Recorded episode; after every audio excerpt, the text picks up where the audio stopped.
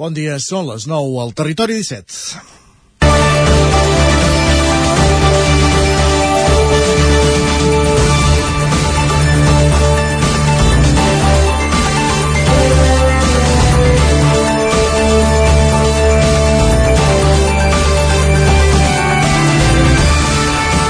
La imatge viral de l'incendi de la catenària de l'estació de tren de Manlleu amb els passatgers sortint corrent del vagó després d'escoltar una forta explosió, després de sentir una forta explosió, fa posar els pèls de punta. Per sort, ningú va prendre mal. És una gota més que va omplint el got de la indignació d'usuaris i veïns de les comarques que coneix l'R3. Els demostra un cop més, la, ens demostra un cop més la deixadesa de la línia pel dèficit endèmic d'inversions dels diferents governs.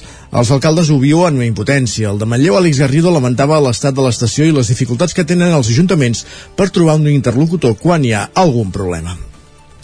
Tot i que els problemes són habituals, aquesta vegada l'incident, però, ha tingut un ressò especial, sigui perquè el vídeo enregistrat de l'incendi va circular com la pólvora, perquè se suma als problemes que ja hi ha des de fa uns dies a l'R2 Sud, o bé perquè estem a 15 dies d'unes eleccions, la veritat és que hi ha un clam unànime pel mal funcionament de Rodalies.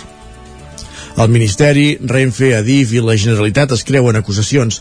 L'endemà dels fets coincidia que el conseller de Territori, Juli Fernández, era a Vic per participar en un acte de precampanya de la candidatura d'Esquerra i va lamentar els fets. Va recordar que durant l'últim any s'han registrat incidències a la xarxa de Rodalies 8 de cada 10 dies i que només hi ha hagut 22, 22 dies sense problemes greus. És lamentable i una conseqüència que durant anys, des de Madrid, no s'ha considerat el servei de Rodalies de Catalunya com una prioritat, sinó que s'han prioritzat les línies de tren d'alta velocitat, en alguns casos en territoris que no tenen cap sentit. De l'incident de Manlleu, que Adif encara eh, està investigant les causes, també en va fer referència el mateix dimecres al president de la Generalitat, Pere Aragonès, durant la firma a Lluçà de la creació de la comarca del Lluçanès i el senador Josep Maria Reniu va presentar d'urgència una bateria de preguntes al Senat. Cal que aquesta ràpida, vehement i unànima resposta a l'incident no es quedi en un foc d'encenalls provocat per la campanya electoral. L'R3, com que té unes xifres d'usuaris molt inferiors a d'altres línies, sovint és la ventafocs de Rodalies. Esperem que ara, quan s'apaguin els focus d'aquest incendi i de les eleccions, la reivindicació de millores a l'R3 no quedi abandonada en un calaix. És divendres 12 de maig de 2023, en el moment de començar el territori 17, a la sintonia de La Veu de Sant Joan, Ona Codinenca, Ràdio Cardedeu, Ràdio Vic, el 9 FM, i també es podeu veure, ja ho sabeu, a través de Twitch, YouTube, el 9 TV i la xarxa més. Territori 17.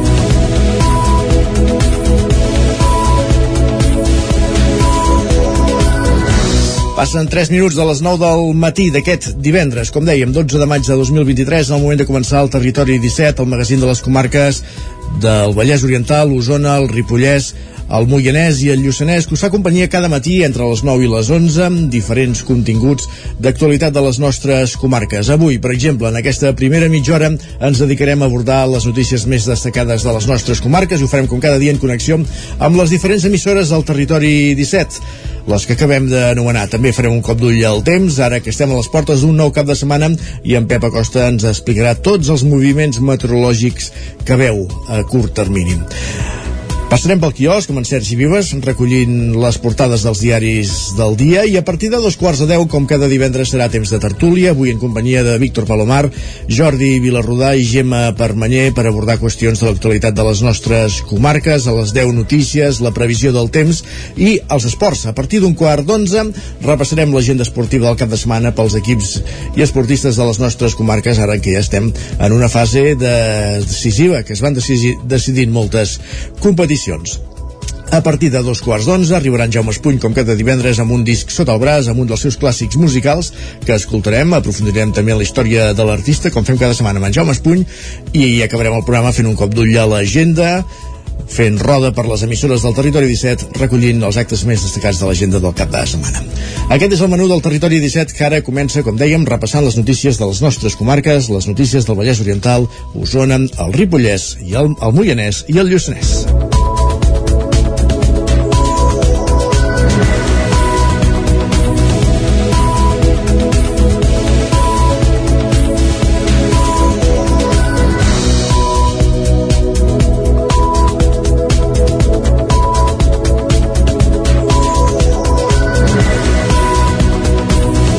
Sant Feliu de Codines celebra una junta de seguretat local extraordinària per devorlar els aldarulls del cap de setmana. Roger Rams, zona codinenca. Aquest dijous al matí la sala d'actes de la Biblioteca Joan Petit i Aguilar de Sant Feliu de Codines ha acollit una junta electoral de seguretat extraordinària convocada per l'alcaldessa Mercè Serratacó a proposta del grup municipal de primàries Codines per tal d'abordar els aldarulls de la matinada de divendres a dissabte. La junta ha comptat amb el cap dels Mossos d'Esquadra de l'àrea bàsica de Granollers, Joan Coll, i el cap i sotscap de la comissaria de Caldes de Montbui, Jordi Codina i Yolanda Candel. El cap de la unitat de policia administrativa també hi era dels Mossos, Francesc Marsol, i també el cap de la policia local, Carmelo Garrido, a més d'un representant de la Guàrdia Civil de la caserna de Canovelles. Pel que fa a la representació política, a banda de l'alcaldessa, la Junta s'ha obert als partits de l'oposició. És per això que hi han assistit Pol Cabotí i Manel Rodríguez de Primàries Codines i Pau Ibars d'Esquerra Republicana. A la trobada, els cossos policials han repassat fil per randa les actuacions dels agents que van desallotjar les persones que protestaven a la plaça de Sant Feliu i han exposat els motius tècnics que van portar a haver d'actuar a les unitats d'ordre públic, segons han explicat els assistents a la reunió. També s'han repassat els fets que han conduït la a la situació actual i s'han exposat les diverses investigacions i informes tècnics elaborat per la policia des de l'any 2020 en què ja s'apunta que era necessari prendre mesures per acabar amb les molèsties als veïns. La policia creu que la situació s'anirà normalitzant en els propers dies i setmanes i de moment no esperen nous aldarulls als carrers de Sant Feliu en les properes nits.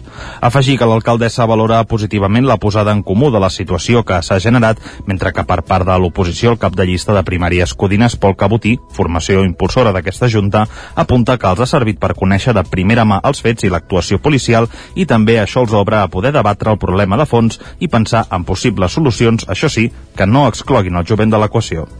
Gràcies, Roger. Més qüestions. El govern expropiarà habitatges buits de grans tenidors per oferir-los a famílies vulnerables o víctimes de violència masclista de 14 localitats catalanes, entre les quals hi ha Vic, Sergi Vives. Això va anunciar aquest dimarts el conseller de Territori, Juli Fernández, en una compareixença posterior al Consell Executiu. De les 670 inspeccions en habitatges de tot el Principat que s'han realitzat al llarg dels últims dos anys, el govern treballa ara amb un llistat de 189 pisos de grans propietaris, bancs o fons d'inversió, on faria com a mínim do, dos anys que no hi viu ningú. La via d'expropiació inèdita fins ara s'iniciarà de forma imminent.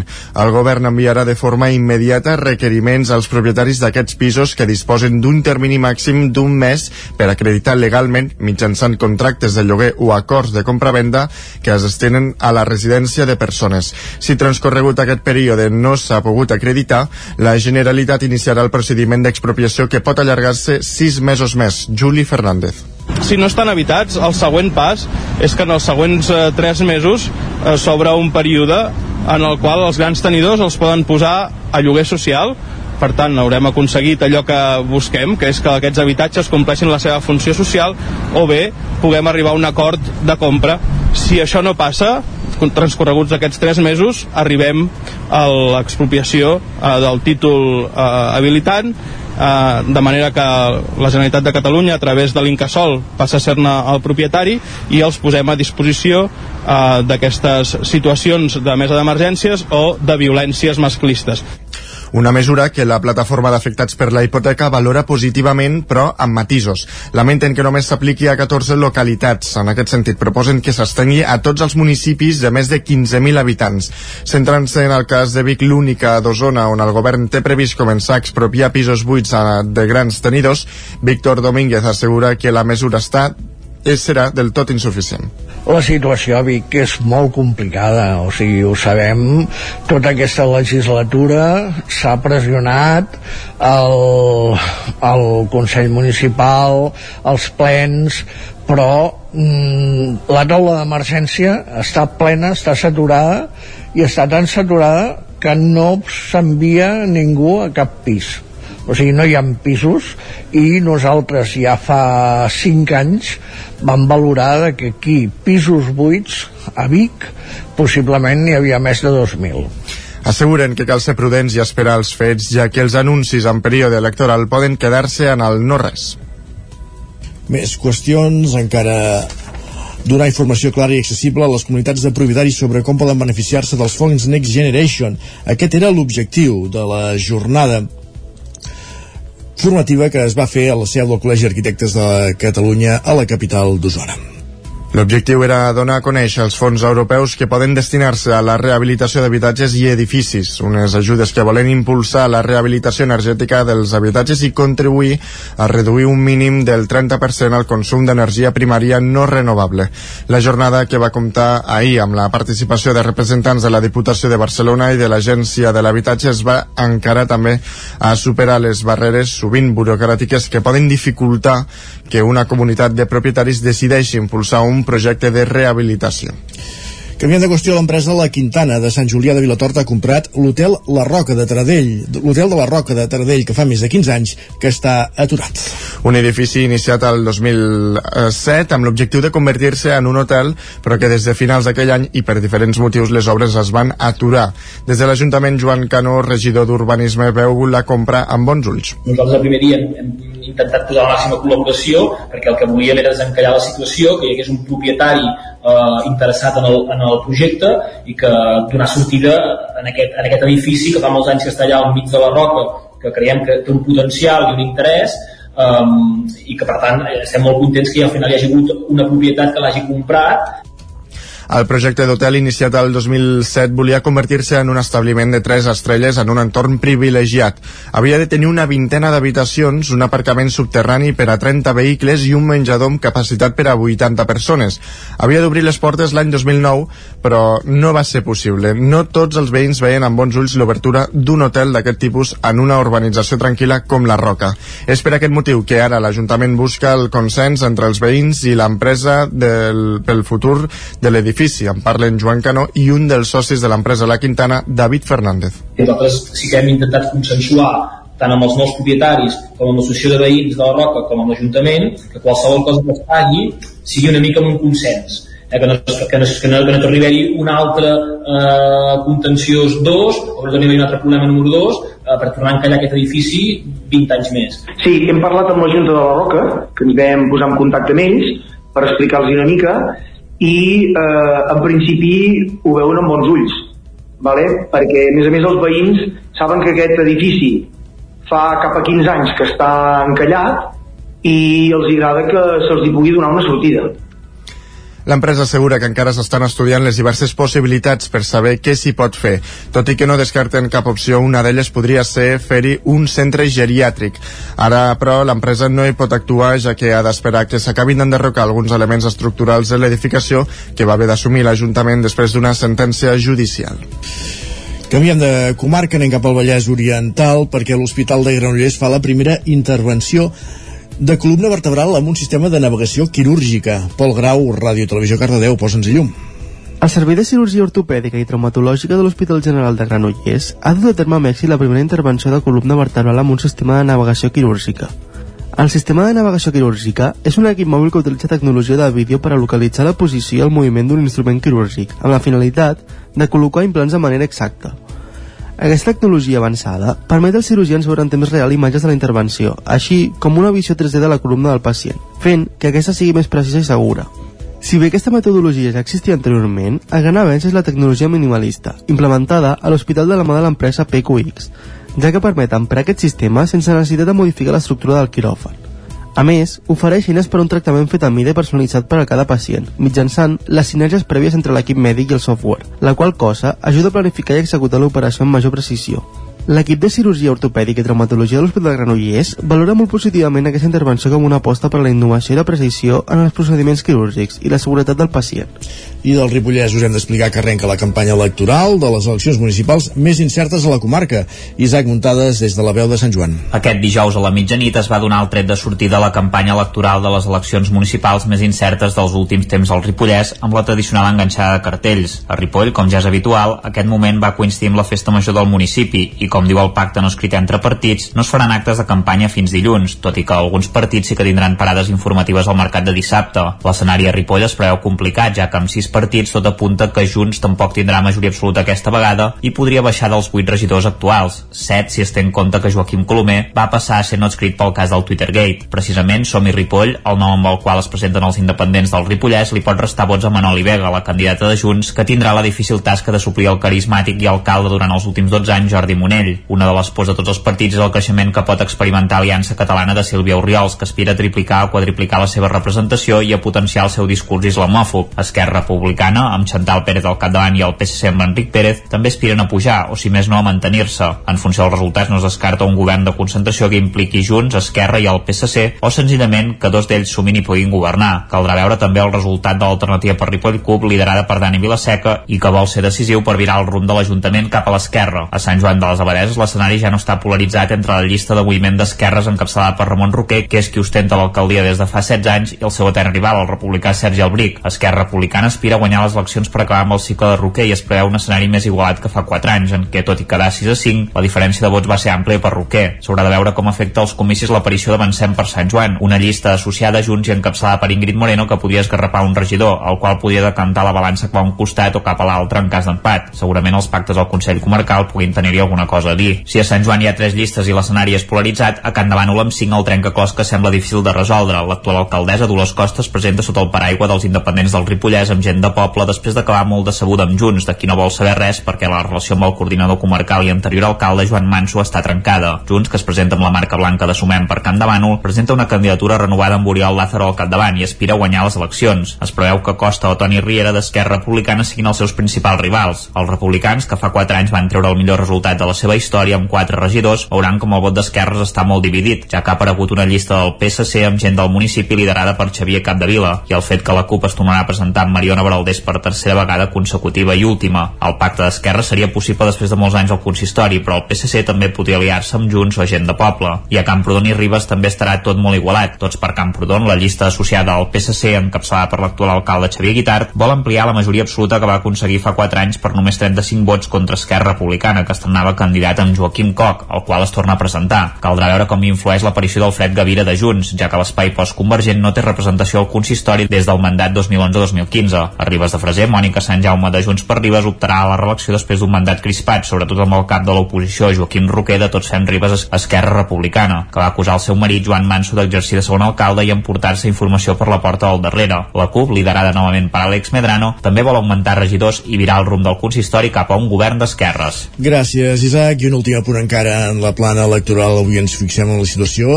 no d'un municipi, sinó d'una entitat municipal descentralitzada, l'única que hi ha a les nostres comarques, la de Sant Miquel de Balanyà, on Inés Puigneró i Josep Antoni Vallbona són els dos candidats a presidir a partir del 28 de maig aquesta EMT. Sergi Vives. Puigneró s'estrena com a candidata d'Unió Municipal, el partit que ara fa 4 anys va portar a Vallbona, actual president, a liderar l'MD. Un debat intern dins del partit eh, va optar per situar de candidata a Puigneró, un escenari que va obligar Vallbona a buscar unes noves sigles. Finalment ho farà amb ara Sant Miquel de Balenyà. D'aquest gir de guió en van parlar els dos candidats a la presidència. L'actual president és, és molt jeràrquic, és molt individualista, i UEM sempre hem estat una, un partit uh, molt obert, amb moltes ganes de treballar amb equip, i, i aquí es havia perdut una mica l'essència de, de UEM. Jo crec que ja des de bon principi de legislatura es va veure que les maneres de, de fer que tenia UEM des de, des de l'inici eh, divergien molt de la, de la meva manera de ser. Potser ells tenen una manera més de fer més assembleària, més de, de, de compartir-ho de compartir tot, de, de, de, diferent, diferent. Unes declaracions fetes ja en plena campanya electoral. Doncs sí, perquè com dèiem, aquesta campanya electoral ha començat aquesta mitjanit, a les 12 d'aquesta nit ha començat la campanya electoral amb, tradicional, amb les tradicionals enganxades de cartells, perquè si una cosa tenen les eleccions municipals és que cada municipi són una història diferent i a cada lloc doncs hi ha hagut la seva enganxada de cartells, la seva inici de campanya a la seva manera, i l'única diferència des d'ahir a ara és que a partir d'avui ja es pot demanar el vot directament si abans no, no es feia d'alguna altra manera.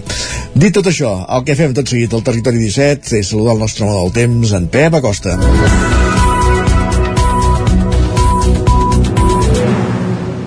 En Pep Acosta, que com cada dia l'anem a pescar a Ona Codinenca.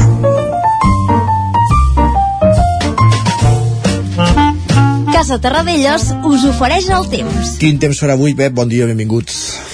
Hola, per és divendres, Va, ja estem aquí l'espai del temps um, Déu-n'hi-do quina baixada de temperatures eh, aquesta nit. Eh, mínimes negatives zones del Pirineu 4, 5 sota 0 cap al Zanovi de Ter entre 0 i 5 graus a moltes poblacions del Pirineu els pobles i ciutats del Pirineu. És com si haguéssim anat cap a cap al març una altra vegada, eh? com si ja hem en el calendari. Uh, i és que déu-n'hi-do, déu nhi déu quina refrescada uh, quin embussament d'aire fred quina pertorbació uh, freda que tenim uh, just a sobre nostra. També moltes mínimes cap al prelitoral entre els 5 i els 10 graus. Uh, la frescada, com deia, és notable a totes les zones. Uh, feia mesos, mesos, mesos que la temperatura eh, no, no era per sota del, del que tocaria per l'època de l'any i ja, i ja fa uns quants dies que, que està succeint això, eh? que les temperatures són més fredes del que tocaria per l'any. Molt bona notícia. I també és molt bona notícia els ruixats, les tempestes, les precipitacions que vam tenir ahir, sobretot cap al Montseny, cap a les Guilleries, es van acumular 20-30 uh, litres per metre quadrat, uh, molt bona notícia, anem sumant litres, llàstima que no, no és a totes les zones, eh? per, per, per tant no són, no són precipitacions uh, a totes, totes les zones, sinó que són tempestes eh, una mica puntuals, una mica localitzades, però bueno, es va sumant litres i és molt bona notícia. I avui no serà excepció. Aquest matí ja tindrem alguna precipitació, eh, poca cosa, però serà cap al migdia, primeres de la tarda, que la cosa es anirà animant, la situació es anirà animant i les tempestes seran ja molt més intenses i extenses. Avui més intenses i extenses que ahir. Uh, jo crec que es pot acumular potser la mateixa precipitació que ahir, uh, 10-20 litres, però més zones. Avui sí que serà més, més zones la, les que tocarà la pluja i és una excel·lent notícia. Les temperatures màximes eh, molt a ratlla, eh, els hi costarà molt superar els 20 graus. Demà també una situació inestable, al matí eh, núvols, eh, poca pluja, però a la tarda sí que hi pot haver alguna nova precipitació. Demà ja no seran tan intenses ni tan extenses, però bueno, encara hi pot haver alguna precipitació i amb unes temperatures encara una mica per sota del normal. I diumenge serà un temps gairebé calcat a la dissabte, amb unes temperatures força baixes i amb una inestabilitat, sobretot a les hores eh, eh, nocturnes, a partir, a partir, no nocturnes, sinó a partir del migdia, primers de la tarda però el dia que les, el dia que les tempestes seran eh, més intenses, més extenses i poden deixar més litres en, en general, serà avui. Avui aquesta tarda és quan plourà més i dissabte i diumenge ja quedaran més restringides i no seran tan, tan importants. D'acord, Pep. Doncs moltes gràcies per aquest apunt meteorològic. Uh, avui, sobretot, serà el dia amb més intensitat de pluges del cap de setmana. Tornem a parlar d'aquí una estona. Casa Tarradellas us ha ofert aquest espai. I tot seguit el que fem és anar cap al quiosc, perquè com que és divendres volem repassar les portades dels diaris que trobem al quiosc, com fem cada dia, però els divendres també, perquè a més a més hi ha les portades del 9-9, Sergi. Així és, doncs mira el 9-9 d'Osona, el Ripollès i el Lluçanès ens expliquen, eh, destaquen aquesta indignació per l'últim incident a l'R3 amb l'incendi de la catenària a l'estació de Manlleu. Després també ens expliquen eh, que l'excavació arqueològica per les obres de l'aparcament soterrat eh, que s'ha de construir a la plaça Maria Àngels Anglada ha posat al descobert fonaments d'edificis d'època medieval i moderna i algunes restes romanes. De fet, veiem una, una foto aèria d'aquestes excavacions. D'aquestes excavacions de, del pati del Seminari Vell. Més qüestions. Pues, uh, repassem el 9-9 del Vallès Oriental. Ens expliquen que Granollers Centre ha perdut un de cada tres trens per la varia de l'R2 a Gavà expliquen que als dies feiners s'ha passat de 73 a 48 trens en direcció a Barcelona i de 70 a 47 de tornada. I mira, més excavacions diuen que Mollet destapa el seu passat. Expliquen que els arqueòlegs troben una metròpolis necròpolis romana al voltant de l'església de Sant Vicenç. Per tant avui al 9-9 són trens i, i excavacions Anem a repassar um, la premsa catalana. El punt, av sí. el punt avui encapça la portada amb el titular a la Casa del Vot, expliquen que arrenca l'esprint final del 28M en 948 municipis catalans, 111 dels quals ja tenen alcalde. Diuen que la lluita a 4 a guanyar Barcelona impactarà en la política catalana i en l'estatal. De fet, l'ara diu que Colau és qui té un lleuger avantatge en la campanya més disputada. Expliquen que la candidata de Barcelona en Comú s'allunya de Collboni i tots dos es desmarquen de Trias i Maragall. El periòdico destaca el pla de xoc contra una sequera que amenaça, que amenaça amb preus sense fre. Expliquen que agricultors i intermediaris avisen que el cost de la carn i els fruits podria ser prohibitiu. La Vanguardia diu que Sánchez oferirà a Biden acollir treballadors llatinoamericans. Expliquen que el ministre Escrivà i el secretari d'Estat Blinken negocien el pacte perquè empreses espanyoles contractin un miler d'immigrants. I ràpidament en premsa espanyola el país destaca la incertesa d'aquesta campanya. Expliquen que el poder ter territorial es decidirà en grans places per un estret marge. Diu, també diuen que el 6 diu que Ayuso aconseguirà la majoria absoluta i que Puig es mantindria a la, a la comunitat valenciana. I bé, aquests són els, els titulars d'avui. No tenim molt temps avui. No, hem anat, hagut d'anar eh, bastant ràpid, però tenim encara 10 segons per passar digitals. El 9.cat us i el Ripollès. Doncs mira que la carn, els làctics i els ous dels menús escolars d'Osona hauran de ser de la comarca o del Lluçanès. I el Vallès Oriental? Que la Generalitat farà una actuació imminent a l'escola Lledorner de Granollers contra els degotes. Doncs dit tot això, el que fem ara al Territori 17 és una petita pausa i entrem en temps de tertúlia. Fins ara mateix. El 9 FM, la ràdio de casa, al 92.8. Ajuntament de Gurb. El divendres 19 de maig no et perdis Meta, un espectacle de teatre documental per parlar de la tragèdia a l'estret de Gibraltar i el patiment de les persones que lluiten per creuar-lo. Ibrahim Diallo posa veu a aquest drama amb un monòleg colpidor que acabarà amb un debat postfunció amb el públic. Divendres 19 de maig, a dos quarts de nou del vespre, a la sala del Molí de l'Esperança de Gurb. Entrades a taquilla. Quan tingui un problema amb la seva caldera, vagi directament a la solució. Truqui sempre al servei tècnic oficial de Saunier Duval i despreocupis, perquè som fabricants i coneixem les nostres calderes peça a peça. I ara aconseguiu fins a 250 euros en canviar la caldera. Informeu-vos al 910 77 10 50 o a saunierduval.es. Si t'agraden les antiguitats, vine el 14 de maig al recinte Firal al Sucre de Vic. A la descarregada de Vic hi trobaràs mobiliari, objectes de decoració, peces d'art, joies, eines, llibres, etc. Descarregada d'Antiguitats de Vic. Diumenge 14 de maig. De 8 del matí a 2 del migdia. Sorteig d'un obsequi entre tots els visitants. No t'ho pots perdre. Estàs preparat per aquest estiu?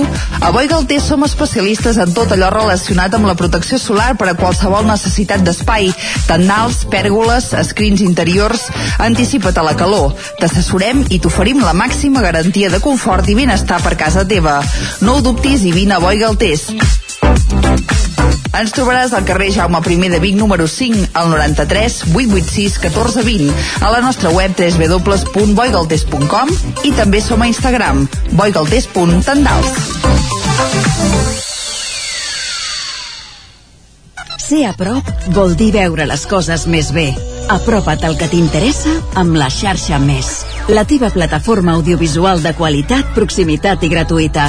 Gaudeix dels continguts de més de 30 televisions locals i podcast quan, com i on tu vulguis. Entra a la xarxa més.cat i descarrega't l'app. Cocodril Club. Si t'agrada la bona música dels anys 60, 70 i 80, escolta el 9 FM als matins de dissabtes i diumenges d'11 a 1. És el temps del Cocodril Club, tot un clàssic de la ràdio, amb les bases del pop-rock, les llegendes, les cançons que s'han convertit en autèntics himnes. Recorda, dissabtes i diumenges al matí, d'11 a 1, al 9 FM 92.8. Cocodril Club, el programa revival de l'Albert Malla. Hasta luego, cocodrilo. El nou FM. El nou FM. El nou FM. El nou FM. El nou FM. En punt, dos quarts d'onze al territori set.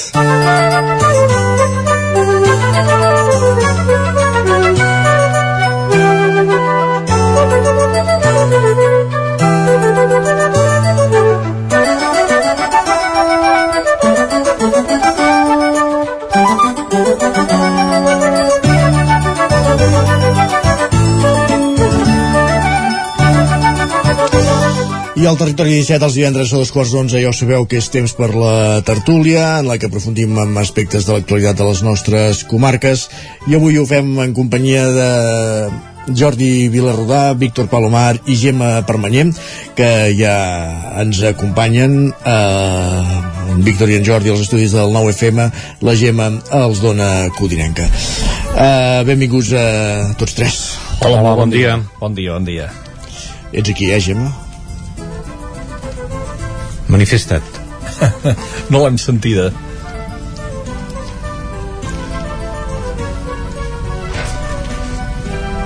Intentem recuperar ràpidament aquesta connexió amb una codinenca fins ara bé ha funcionat i això que no va per aquesta no va per l'R3 aquesta connexió. exacte ara quan tinguem la, la gemma connectada ara ai, he hagut de necessitar ajuda, bon dia bon dia, bon dia. ara sí Ara, ara sí que et sentim, Gemma, bon dia. Doncs, com dèiem, temps de tertúlia per abordar diverses qüestions d'actualitat de les nostres comarques i, si et sembla, Gemma, comencem per l'actualitat de, de Sant Feliu, perquè porteu uns dies moguts i, de fet, aquí al Territori 17 parlàvem amb l'alcaldessa, Mercè Serratacó, eh, d'aquests incidents que hi va haver el cap de setmana derivats d'aquesta decisió, d'aquest decret d'alcaldia que limita l'obertura de bars fins a la una de, la matinada dels caps de setmana i que va provocar doncs, aquestes reaccions en forma de, de vandalisme. Pur i dur, primer concentració però després vandalisme fins i tot a eh, l'habitatge de la mateixa alcaldessa. Com dèiem, han estat, dèiem han estat Gemma dies moguts a, a Sant Feliu i ahir va haver-hi de fet aquesta Junta Local de Seguretat extraordinària de fet, sí, avui farà una setmana, eh, divendres passat, que just era el segon divendres des de que aquest decret estava aplicat, perquè es va començar a fer al voltant del dia 20, ai 20 8, perdó. I no, no es preveia que que hi poguéssim haver grans aldarulls. Ara faré allò de fer producció tècnica en directe. Estic sentint-me mico no sé si, si és jo que tinc alguna cosa malament. Ah, en teoria no hauries de sentir-lo però vaja, ja, espera't, que no siguin els meus auriculars a veure, eren els teus auriculars sí. eren els teus auriculars Això uh, doncs, encara se sent, eh? Doncs això... Sí, sí, sí. Bé, és igual, segueixo. Ara sí, doncs ja està, resolt, no els auriculars, no els altaveus, ja està, resolt, aclarit, va. És que avui estem en un estudi en precari i, i, i estem... Sí, sí. Això sí que és directe, de veritat. A, estudi en precari i tots hem anat a dormir suficientment tard com per, per estar justificat tot. I, en el, I en el cas de Sant Feliu, com deies, portem aquesta setmana que també ens ha fet eh, doncs, tenir el cap ocupat amb, amb moltes coses. Fa tot just una setmana va ser quan hi havia aquesta protesta eh, espontània eh, convocada a través de diversos grups de, sobretot de joves però també de persones que són usuàries d'aquests dos bars que es veuen afectats. Per aquesta reducció d'horari fins ara tancaven a les 3, ara tanquen a la 1 es van concentrar a la plaça però aquesta concentració com deia es va derivar amb aquests uh, atacs vandàlics contra la seu de l'Ajuntament i també contra la casa de l'alcaldessa que és bastant propera a, a l'Ajuntament Uh, això evidentment va obligar a Mossos i policia a activar les patrulles d'ordre públic i sempre que s'activen aquest tipus de patrulles això també s'acaba traduint amb jo en diria violència policial, la policia em diu que no es pot posar aquest qualificatiu, però sí que és cert que hi ha vídeos molt durs de com aquests agents actuen contra persones que no estan fent res per fer-les fora de la plaça, i el dissabte eh, per evitar que això es repetís, doncs hi va haver un cordó policial amb furgonetes de, del Zarro per evitar que la gent a la una quan sortia dels bars es quedés a la plaça que això va fer que hi hagués una certa sensació de tot de queda, de tornar a mesos, en, a mesos enrere el que passava durant la pandèmia. De fet, aquesta setmana, a mitja setmana, teníem una reunió que vam sortir a les dues i, i amb uns quants dels que sortíem de la reunió vam dir, ostres, ara Sant Feliu, quan fas això tens la sensació d'estar desobeint. I, I això també ha despertat molt malestar entre la gent jove eh, la gent jove que s'ha sentit criminalitzada com a col·lectiu per l'actuació d'uns quants, dels quals la gent que era a la plaça es desmarca, però els joves que no eren ni a la plaça també se'n desmarquen i alhora critiquen i que no hi ha una opció d'oci per ells nocturna a Sant Feliu, que qualsevol cosa que vulguis fer t'obliga a marxar del poble. I això fa, penso també que, que tota la campanya electoral tingui una lectura nova perquè no saps com, com, com, pot, com poden afectar aquests fets, a qui beneficien, a qui no beneficien i al mateix temps també és, és complicat eh, entendre per què s'aplica una solució que era necessària a tres mesos, de, ai, a tres mesos, a tres setmanes d'unes eleccions. A partir d'aquí, si voleu, parlem tots i, i anem debatent sobre tot plegat. Sí que hi ha una cosa que a mi m'inquieta molt, que és que l'Ajuntament, a hores d'ara, com a institució, encara no hagi fet cap comunicat de condemna d'aquests fets, ni cap comunicat d'explicació d'aquests fets, cosa que demostra encara més per si no ens n'havíem adonat, que estem en campanya, perquè de comunicats dels partits estem saturats gairebé. Home, jo crec que hi ha diferents temes no? a abordar uh, parlant d'aquest cas. D'una banda és la necessitat de, dels joves de que tinguin aquesta, aquesta oferta d'oci, que sigui una oferta d'oci que, que sigui a prop del, del seu municipi, que no s'hagi d'agafar de marxar molt lluny per poder disfrutar d'aquest oci nocturn, que crec que és necessari, que hi ha sigut sempre i que, i que hi ha de continuar sent i que, i que va molt bé que, que hi hagi aquesta possibilitat d'oci i l'altre també el descans dels veïns que eh, llegir algun cas doncs eh, clar no és el mateix que eh, quan aquestes zones d'oci s'han traslladat a zones on no estan habitades. Uh, jo recordo aquí Vic també doncs, el centre històric quan va començar uh, a augmentar el nombre d'estudiants als bars, els dijous a la nit hi havia moltes queixes amb els carrers del centre històric de Vic i ara s'ha anat desplaçant amb el temps cap a, cap a fora de, del centre de la ciutat ara algú troba a faltar l'ambient d'aquests carrers eh? però en el moment amb el que passa doncs, uh, hi han molèsties pels veïns llegia doncs, el cas no, d'alguns veïns d'aquests aquest, bars si algú té algun problema eh, de salut, també el descans que necessita tothom. I, i el, aquests serien dos temes que la, la, la necessitat que hi hagi una oferta d'oci, la necessitat que els veïns se'ls hi respecti el, el, seu, el seu horari de descans i que puguin estar tranquils a casa seva, i l'altra aquesta, aquesta mesura no? que, que és estricta, que segurament s'havia de prendre, però a, pocs, eh, a poques setmanes de les eleccions jo crec que, que és un mal càlcul de, de prendre aquesta decisió segurament eh, potser eh, és una conseqüència eh, tot plegat perquè les pressions dels veïns acaben cedint en un moment en què hi ha tensió i es prenen decisions d'aquestes que si, si es mira fredament eh, ara no es pot fer un debat obert amb totes eh, dins un consistori amb els diferents punts de vista no es pot escoltar uns i els altres perquè ara hi ha doncs això, aquesta campanya i fa que no hi hagin comunicats doncs, condemnant eh, l'actuació policial en el cas i o l'actuació dels joves també els que van, dels que van provocar incidents.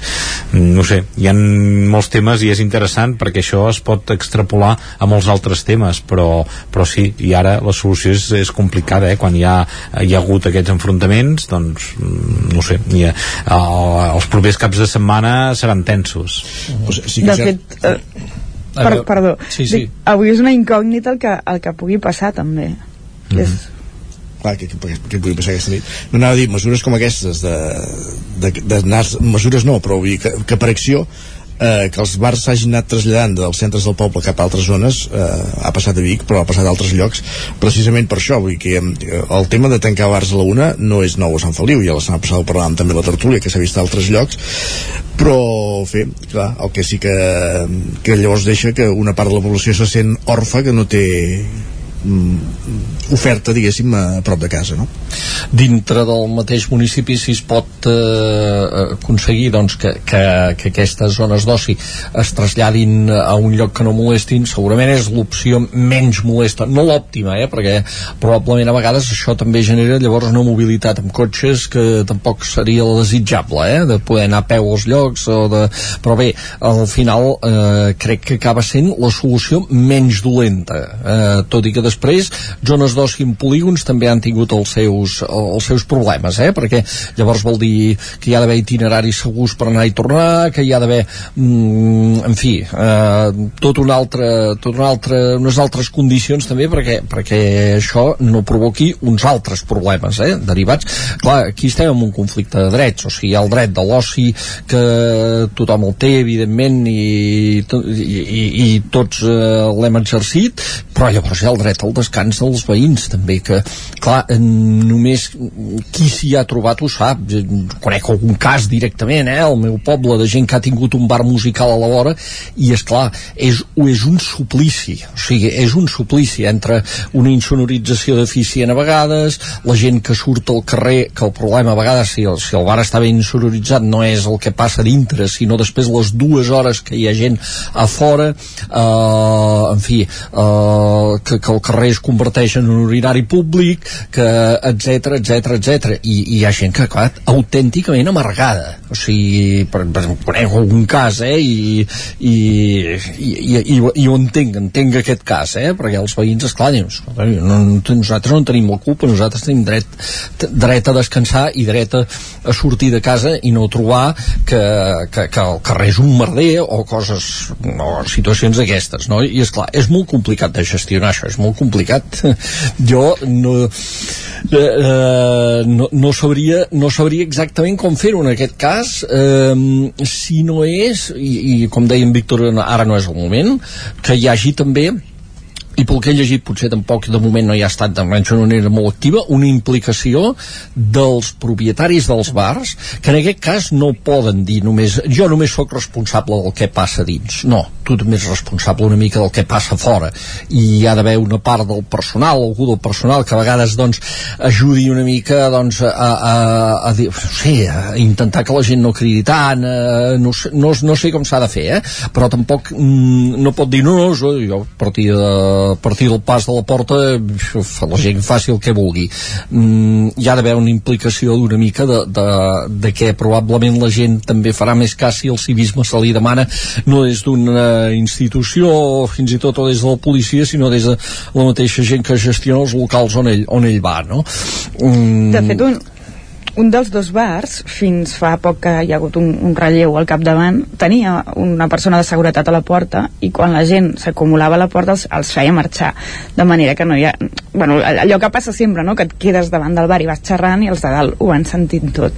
Uh, també és veritat que, que són dos locals que estan oberts gairebé cada dia de dilluns a diumenge i aquí entra uh, aquest tema que comentaves de, dels veïns. I tornant al tema dels tempos de la decisió a l'agost de l'any 2020 hi ha un, un dia a la nit ja hi va haver una intervenció de, de policia bastant grossa que es, van, es va entrar a aquests dos bars i es van obrir diferents expedients administratius tant pels bars com per persones que hi havien per petit tràfic de drogues alguns per portar arma blanca i per coses tècniques de, dels dos establiments. Llavors, a, a l'octubre de l'any 2022 es fa una reunió de l'Ajuntament amb tots els bars, no només aquests dos afectats, sinó tots els del poble, mm, bueno, hi ha com cert compromís de regular les coses i això, però tampoc eh, no avança i la darrera Junta de Seguretat Local, que és a, a finals d'any, que és l'única Junta de Seguretat Local que s'havia fet amb tot el mandat fins a l'extraordinària d'ahir, eh, ja es va posar sobre la taula per part de, de Mossos i de policia local com a mesura tècnica aquesta reducció d'horaris i això em fa pensar que em fa encara entendre menys el tempo de la, de la decisió fa ara tres setmanes. Mm. no, no, segurament és això, eh, la, les pressions que, que reben els polítics eh, aquests dies és, no sé, aquí també aquesta setmana eh, és un cas diferent, eh, però denunciàvem veïns que feia temps que es queixaven de que hi havia ocupes amb un, amb un habitatge i semblava que era impossible les respostes de, del consistori doncs era que no es podia fer res i aquesta setmana eh, la setmana que comença la campanya electoral eh, des de la Guàrdia Urbana s'actua i es precinta aquest habitatge que, que portava temps, que provocava molèsties amb els veïns i, i, i se soluciona en molt poc temps no? és això, es prenen decisions eh, que durant el mandat s'allarguen i es respecten uns tempos i això, i ara hi ha nervis i, i ho veiem a tots els municipis i parlant amb tots els candidats doncs eh, són uns dies en què hi ha nervis i que qualsevol crítica que, o pressió que durant l'any s'aguanta molt bé doncs ara eh, tot crema i tot es prenen decisions precipitades i que fan doncs, que no siguin les encertades. Jo quan dieu això hi ha solució amb el, amb el cas aquest concret? Doncs eh, la solució immediata no hi és. Eh, que hi serà i que s'haurà de buscar doncs això, asseure en una taula eh, els joves del poble també perquè se'ls ha d'escoltar i per tant s'ha d'escoltar de, els amb ells perquè sí que coses que explicaves tu Gemma doncs això de que se sentin criminalitzats doncs eh, segurament hi haurà algú que no ha fet bé el que havia de fer però n'hi han d'altres que sí. I aquests crec que són els que poden asseure's en una taula i que poden ajudar a reconduir una mica la situació i se'ls ha d'escoltar també. I, i això, hi han de ser els propietaris dels bars, hi han de ser els diferents eh, eh, grups eh, polítics que entrin a l'Ajuntament a partir del 28 de maig i, i, i asseure's i parlar-ne i la solució no és fàcil però, però sí que és veritat que el que no pot continuar és aquesta tensió que, que hi ha aquests dies uh -huh. tot crema Ja. Ai, Gemma, Ah, anava a dir, abans de canviar de bloc uh, sí, sí que penso que vinculat amb això també hi ha un tema de civisme que és important poder treballar perquè sí que és cert que durant anys i panys se sent molt permissiu amb les actuacions al, al carrer un exemple és uh, un, un amic meu treballa en un bar estava recollint la terrassa del seu bar i es troba que uh, arriben tot de joves i comencen a, a buidar les bosses per fer botellot uh, allà. I els hi pregunta d'on veniu? això fa 3 anys potser, abans de la pandèmia. I diu, de Mollet, perquè aquí no ens persegueixen i ara està sí, sí, sí, sí uh, a veure, uh, això passa a més a més hi ha la, mobi la mobilitat aquesta eh? la, hi ha la mobilitat aquesta i el, i el civisme, no, no, a veure tot se solucionaria amb civisme eh? o sigui, amb un mínim de civisme per totes les parts, però a veure, desenganyem-nos o sigui, la realitat és la que és i tots la coneixem i l'hem vista i probablement també nosaltres hem fet accessos que no havíem hagut de fer en el moment que es va pel tercer pel tercer combinat eh, diguem, el civisme desapareix perquè el to de veu puja, etc etc i passen moltes altres coses que i, i, i aquesta és la realitat. O sigui, o sigui el, el civisme hi pot ser de base però hi ha, hi ha un moment que, que el, el civisme se'n va, se'n va pel desaigua. Abans en Víctor ho deia aquests dies tot crema fins i tot els trens. Ara ja hem vist flames sobre un tren eh, aturat a l'estació de Manlleu, ha estat una de les imatges de la setmana, un vídeo que ha corregut com la pólvora i la... Re... el, el, el, sim, el símil aquest també fogós. Sí, exacte. Uh, però clar, que denota una vegada més doncs, tota aquesta falta d'inversió uh, a Rodalies, aquesta situació de decidesa de la línia uh, i aquesta situació d'impotència no? de, dels usuaris, dels ajuntaments de, de l'entorn de, en aquest cas de l'R3, eh, però podríem parlar també de l'R2 Sud i d'altres infraestructures. És que això és, un, és, és, és tan una, una zona tan a, a repetició, o sigui, aquesta vegada hi hem vist un, unes imatges perquè, perquè evidentment ara tothom amb el mòbil doncs està al cas d'aquestes coses i, i, i ho grava però eh, és, és que això jo quan estudiava a la universitat i agafava el tren eh, per anar a Barcelona a veure, és que el, el, els problemes a la catenària o sigui, allò, apa, hi ha hagut un problema a la catenària això passava ja, ja tota la vida ha passat això del el problema a la catenària ara més més aquest amb pirotècnia inclosa eh? això també també és veritat però que la catenària s'enganxava que no sé què que, a veure, què vol dir això? vol dir que hi ha un dèficit crònic de, de, de manteniment i, i, i de, en fi, de, de, de tenir cura del manteniment de la línia i, i, i això n'és un, una prova més i, i això ve al darrere d'un context en què fa uns dies doncs eh, va haver-hi una avaria a l'R2 també per, la, per, per un problema amb un sistema de senyals que, que s'havia teòricament avariat per un llamp que al final es va demostrar que no havia existit el llamp, eh, l'avaria sí i, i, i suma i suma i suma i suma i suma. I si recordem doncs com, com un dels motius d'indignació pels quals esclata també doncs, el, el malestar eh, de, que, que l'any 2010 al voltant de l'any 2010 era ja el, els problemes constants que hi havia en Rodalies i, i la sensació de que la gent se sentia desatesa per un govern de l'Estat que és responsable d'aquestes mm, infraestructures responsable màxim. Perquè ara aquests dies hi ha una mena d'intent per dir no, és que tothom una mica perquè la Generalitat també és eh, eh, responsable de Rodalies. No, no, no, no, no fotem, no igualem perquè en aquest cas no s'hi val d'igualar.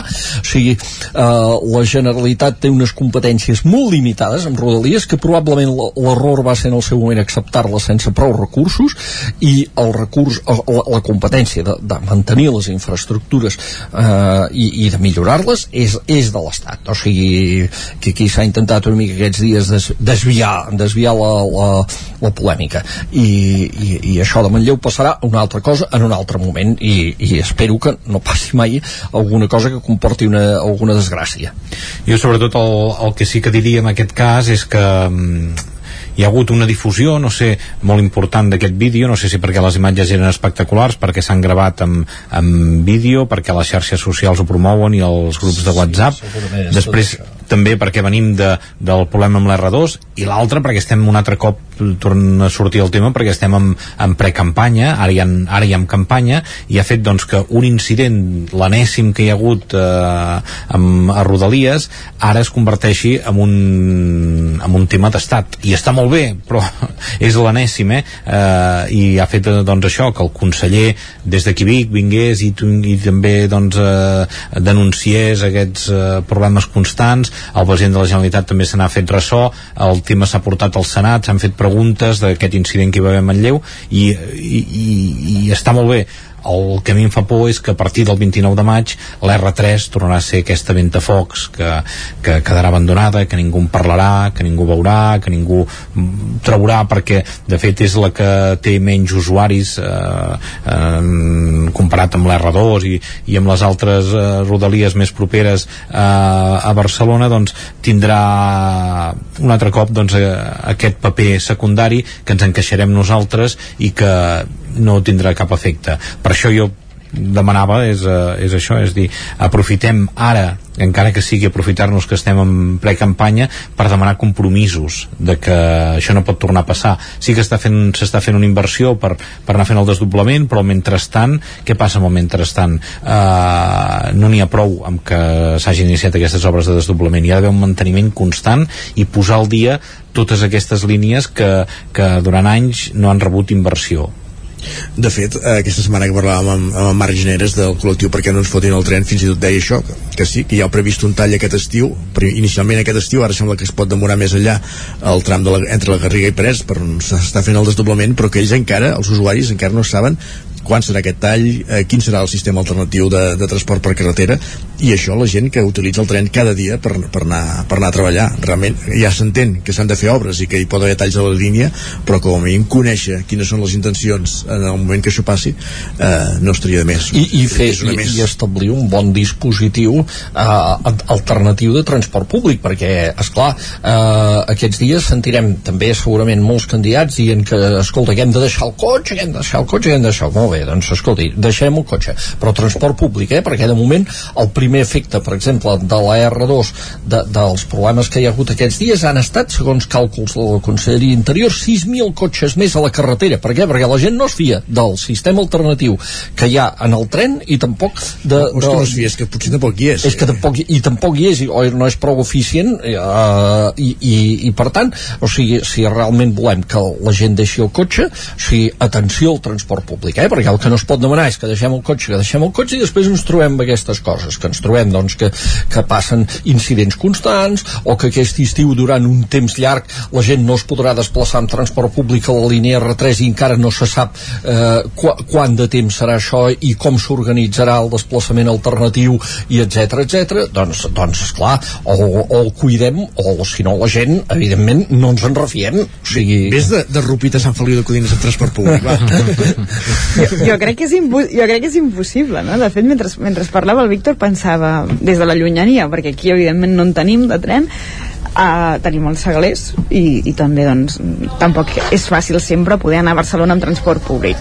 Uh, però mentre parlava ell pensava mm, jo aniria a treballar amb cotxe si anés a treballar a Barcelona perquè no te la pots jugar a, a cada dia arribar 3 hores tard perquè avui fan obres, avui hi ha hagut una incidència avui la catenària peta i demà vés a saber què passarà i aquest tema que comentava en Jordi ara de la falta d'informació eh, i, i que apuntaves també tu Víctor amb els de la plataforma que no ens fotin el tren va passar el mateix ara fa pocs mesos a la Garriga quan van fer eh, aquelles obres de fer el, el pas soterrat que també era un cap de setmana que quedava invalidat el, el tren i allà s'havia de canviar i, i a dos dies abans ningú sabia quina alternativa hi hauria quan es fessin aquestes obres no sé, tothom exigeix molta previsió en moltes coses però després no, no es compleixen no? has de poder saber quina, qui, què has de fer per anar a treballar o per anar on sigui. Està clar. I hem parlat d'aquests incidents a Sant Feliu del tren i en Víctor sempre anava planant són coses que ara segurament surten perquè estem on estem a dues setmanes ara ja sí d'unes eleccions perquè ha començat la, la campanya electoral. Què més veurem aquests 15 dies? Va eh, ha començat la campanya electoral? Ah sí, eh, no, no, no, sí, sí. La, bueno, sí, de fet la, fet, la, la, la, veritat és que la diferència entre i avui o sigui, ha estat els penjats veure els cartells penjats al carrer perquè sí, per sí. la resta no hi ha hagut eh, eh, jo ara penso per exemple al meu poble Sant Joan de les Abadesses la setmana passada eh, eh, érem, no érem en campanya i hi va haver actes eh, de presentació de tres candidatures. O sigui que la diferència ja no la, no la notem no la notem no, de... no podien demanar el vot directament aleshores. Sí, eh, és, sí, sí, sí, és clar. Eh, no, no, de, bromes a part, eh, en fi, eh, comencem aquests 15 dies de campanya que se'ns fan molt llargs a tots. Fins i tot jo crec que els periodistes se'ns fan molt llargs aquests dies. Es, mm, no sé, que la gent no digui eh, que, que, que hi hagi una certa correcció, que la gent intenti fer unes promeses més o menys realitzables i d'alguna manera és que em fa no, no m'agrada citar-me a mi mateix eh, però és que avui ho explico una mica el nou amb una certa ironia eh, que miren de concretar allò de què vol dir de posar les persones al centre que ho diuen tots eh, és a dir, que diguin coses concretes i al final que diguin que farem el que podrem amb els recursos que tinguem i si ens ho deixa fer el secretari. I, i, ja, i ja està. Això de posar les persones al centre és el centre del punt de mira. Sobretot els que no et voten. Al final el secretari és el que mana vols dir, eh, però i tant, clar, és que podràs fer el que tinguis recursos per fer si t'arriben les subvencions i amb una mica de sort tens un dels teus a la conselleria de Tor. per, per arribar aquí també has hagut de fer el projecte has hagut de fer, i, i buscar el finançament has hagut de, de, de, de seguir un laberint burocràtic impressionant que nos hemos dado entre tots i després al final ho faràs si el secretari et diu que ho pots fer. Exacte, jo sí que normalment sempre ho fem i també és, és un blanc fàcil i perquè en molts casos s'ho mereixen, eh? però també aquests dies parlant amb molts candidats crec que s'ha d'elogiar i s'ha de diferenciar doncs, aquells candidats que veus que arriben a la política per certs interessos eh, que no es porten preparat el, el que d'això o que presenten una candidatura per anar en contra de o d'algú o d'algun projecte concret o que arriben això per anar a salvar que hi de lo mío, no? I en canvi parles amb candidats que quan parlen del seu projecte, eh, parlen del seu municipi, parlen del seu equip, doncs els hi brillen els ulls i crec que aquests també s'han d'elogiar i n'hi han, i n'hi ha molts i la feina dels periodistes potser també és una mica aquesta de destriar el gra de la palla perquè quan la gent vagi a votar doncs sàpiga distingir qui és aquestes persones que quan parlen del seu municipi i dels projectes que volen parlar i de la seva manera d'entendre la política doncs això, jo crec que li brillen els ulls i els altres que no doncs. I, que, i que és admirable que hi hagi gent que amb aquestes burocràcies interminables amb aquesta migradesa de recursos amb tot en contra encara vulguin anar als ajuntaments jo per això que deia el, el Víctor ara en, els uns i els altres, els que els hi brien els ulls i els que, i els que no uh, suposo que a nivell personal tinc sensacions molt contradictòries amb la campanya. D'una banda penso, ostres, que guai i de l'ara penso que sigui en 29 de maig ja, saps? De, depèn del dia, depèn del, mo depèn del moment. Això jo crec que tots ho pensem un moment o l'altre que sigui Gemma. Sí, de fet, ahir després de l'acte d'arrencada de campanya que vam fer amb la ràdio aquí a Sant Feliu vam fer també una, una bateria de declaracions a, a tots els candidats que van passar pel programa i una de les coses que els hi preguntava era què n'espereu d'aquesta campanya? I tots deien que sigui neta, que sigui honesta, que tal. Bé, doncs, ja que ho han dit tots, jo demano que almenys aquí, que és on som nosaltres, sigui així i ho extenem també a la, a la resta de llocs. Doncs que així sigui i amb aquest missatge positiu acabem eh, el temps de tertúlia. Gràcies Víctor, Jordi i Gemma i ens retrobem un altre dia. Moltes gràcies. Merci, bon cap de setmana. Cap de setmana. Nosaltres avancem al territori 17 després de la tertúlia. Ara que ja són les 10 serà moment d'actualitzar-nos, de posar-nos al dia amb les notícies més destacades de les nostres comarques. Arribem a l'equador del territori 17 d'aquest matí de divendres 12 de maig de 2023.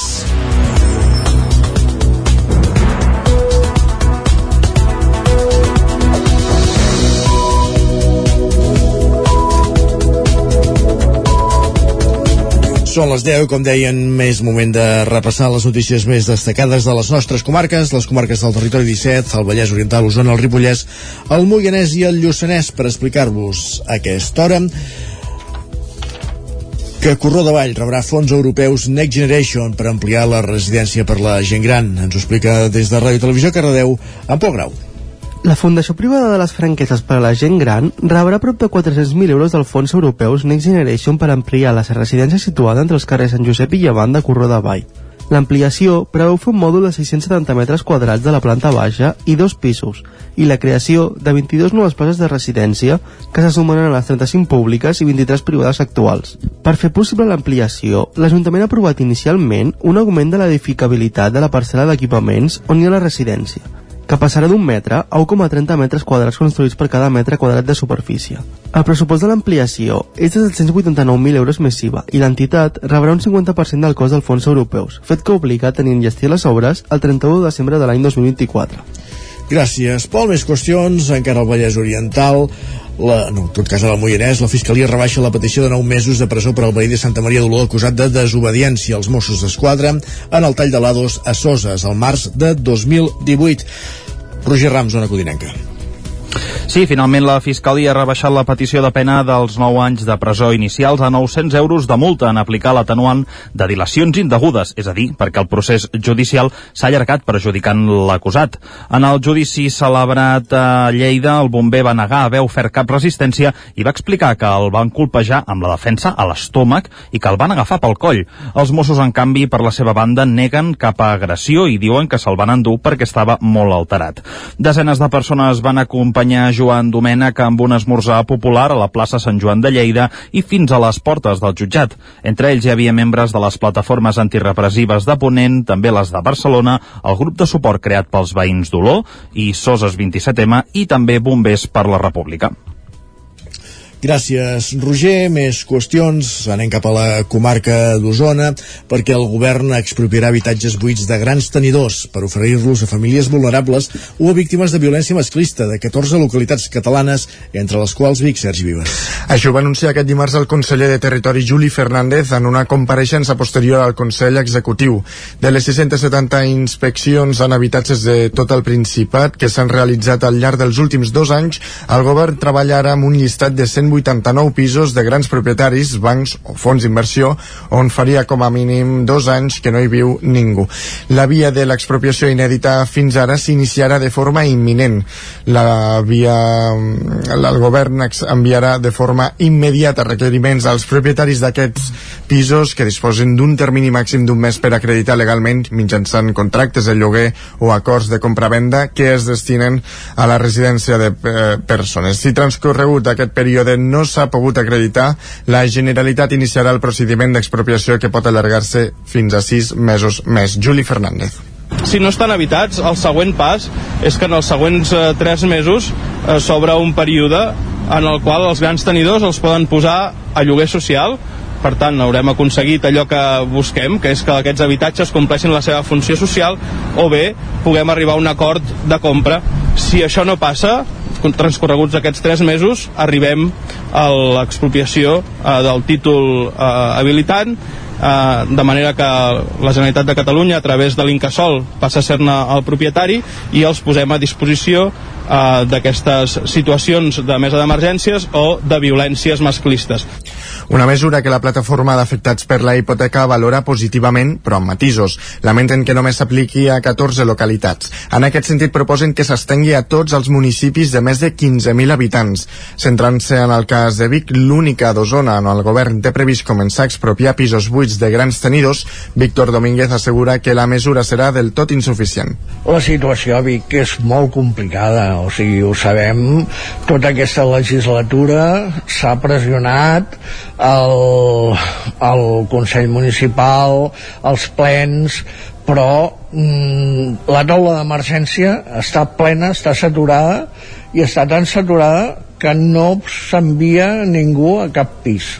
O sigui, no hi ha pisos i nosaltres ja fa 5 anys vam valorar que aquí pisos buits a Vic possiblement n'hi havia més de 2.000 Asseguren que cal ser prudents i esperar els fets, ja que els anuncis en període electoral poden ser poden quedar-se en no res. De fet, és el que dèiem, en temps de tertúlia, més qüestions, finalitza la rehabilitació de l'antic consultori de la colònia de Borgonyà, que per ara, això a la comarca d'Osona, que per ara es podrà veure en les visites guiades del Museu del Ter, que el Museu del Ter fa cada tercer diumenge de mes. Tot plegat després que hagi finalitzat la rehabilitació de l'edifici que ha tingut un cost de 420.000 euros i que a banda del, consul del consultori inclou el centre d'interpretació i acollida de visitants. Un dels atractius a banda dels objectes que s'han eh, recuperat és la sala de rajos X que va adquirir la colònia l'any 1951. En parla l'historiador i tècnic de patrimoni del Museu del Ter, Jordi Graner és una mica la joia de la corona perquè estem parlant d'una màquina de la dècada dels 50 estem en un moment que segurament no tenien aquest material tots els hospitals per tant eh, ens demostra una vegada més qui era l'empresa Fabricots i quin tractament i quina voluntat de cuidar els treballadors hi havia. Per tant, aquest és un dels aparells que, que vam trobar aquí dintre del consultori. Un consultori que té cinc espais, el despatx del metge, la sala d'espera, la sala d'infermeria, la sala de cures i la sala, com dèiem, de rajos X. La companyia Titell Snipe i obrim ara la plana cultural com fa, celebra 50 anys. Fa uns dies van fer un espectacle que va omplir l'Atlàntida de Vic i que va reunir titellaires que n'han format part en diferents etapes. Al mig segle de vida no hi arriben totes les companyies i de titelles en serien ben poques a Catalunya. Per això Titell Snipe va omplir l'Atlàntida en una celebració amb un caliu especial, un espectacle únic i repetible en què els integrants actuals i passats estaven acompanyats d'amics i col·laboradors en diversos moments de la seva llarga trajectòria i que es feia, a més, amb un caire diferent del que s'havia plantejat. Va néixer gairebé com un comiat i ara és l'inici d'una nova etapa. L'actor Xevi Font està interessat a agafar el relleu. No, jo sempre dic clar, em fa molta il·lusió perquè, perquè primer els vaig viure de petit com a espectador i això que comentava Manel ara l'estètica del snipe era tan evident que eren unes idees que marxen o marxaven molt de, de, de qualsevol altre tipus d'espectacle de, de titelles que haguessin vist, no? I per tant ja tenia aquest referent. Hem anat tenint contactes, ens hem anat veient, hem anat fent, tinc companys que ja havien treballat amb el Snipe i per tant la cosa va anar fluint, no? Fins que fa ara, no sé, 4 o 5 anys eh, em van venir a buscar, em van dir, tenim aquest espectacle, ens falta un titellaire. Manel Ricard, amb 73 anys, continua al capdavant de Titell Snipe amb el suport de Dolors Viladomat. Ell ha acabat sent la cara més visible de la companyia i una referència indiscutible en el món del teatre de Titelles a Catalunya. Bé, nosaltres vam començar a Call d'Atenes, vam créixer, vam anar a Vic, però això sense voler se'ns va disparar. Tot plegat ens veuen actuar a Barcelona i ens veuen una gent d'Itàlia i ens anem a Itàlia, ens anem a Luxemburg, una orquestra ens truca si, si els volem acompanyar a Londres, vull dir, hem fet sortida, no és que haguem viscut tot el dia fora, però sí que hem fet sortides molt maques a diferents llocs d'Europa i després a l'estat espanyol. Per tant, no ens hem quedat a Call d'Atenes, sinó que hem corregut bastant més. La formació va néixer en un moment en què el teatre de Titella es va agafar embranzida i quan va passar es va fer més petita però s'ha mantingut amb el temps creant nous espectacles. El Club Tenis Vic, ara obrim la plana esportiva, reunirà a partir d'aquest diumenge i durant una setmana alguns dels millors jugadors del món en la categoria júnior. Seran el 19è torneig ITF Men's Circuit que aquesta vegada s'emmarquen els actes de celebració dels 75 anys de l'entitat del Club Tenis Vic. En total, 64 jugadors començaran la fase prèvia diumenge i dilluns a les instal·lacions del club. D'aquests, 8 aconseguiran el pas a la fase final que començarà dimarts amb un quadre de 24 jugadors. En parla el director del torneig, Joan Pérez i tenim jo crec un bon quadre del qual els quatre primers jugadors són espanyols. Es diuen Steven Díaz, Oriol Roca Álvaro López San Martí i Nicolás Sánchez. Aquests jugadors estan entre el 200 i el 300 del món. Vol dir que ens poden oferir un gran nivell. Poder fer un torneig com aquest a aquesta ciutat és molt important perquè el nivell que ve és molt alt aquest és un torneig de 25.000 dòlars i portarà jugadors d'arreu del món i que està més que consolidat al calendari del Club Tenis Vic. Per quart any la, el patrocina el grup Boada. Miquel Vilardell és el president del club i esperem seguir-lo organitzant durant molts anys perquè eh, aportem jugadors aquí o venen jugadors d'alt nivell on els nostres socis també socis i ciutadans eh, tant de Vic com de la, de la comarca poden gaudir d'aquests partits el torneig es farà de forma simultània amb altres activitats del club com xerrades, un mini tenis matinal o el torneig de dobles familiars. El divendres vinent es disputarà la final de dobles i l'altre diumenge la individual.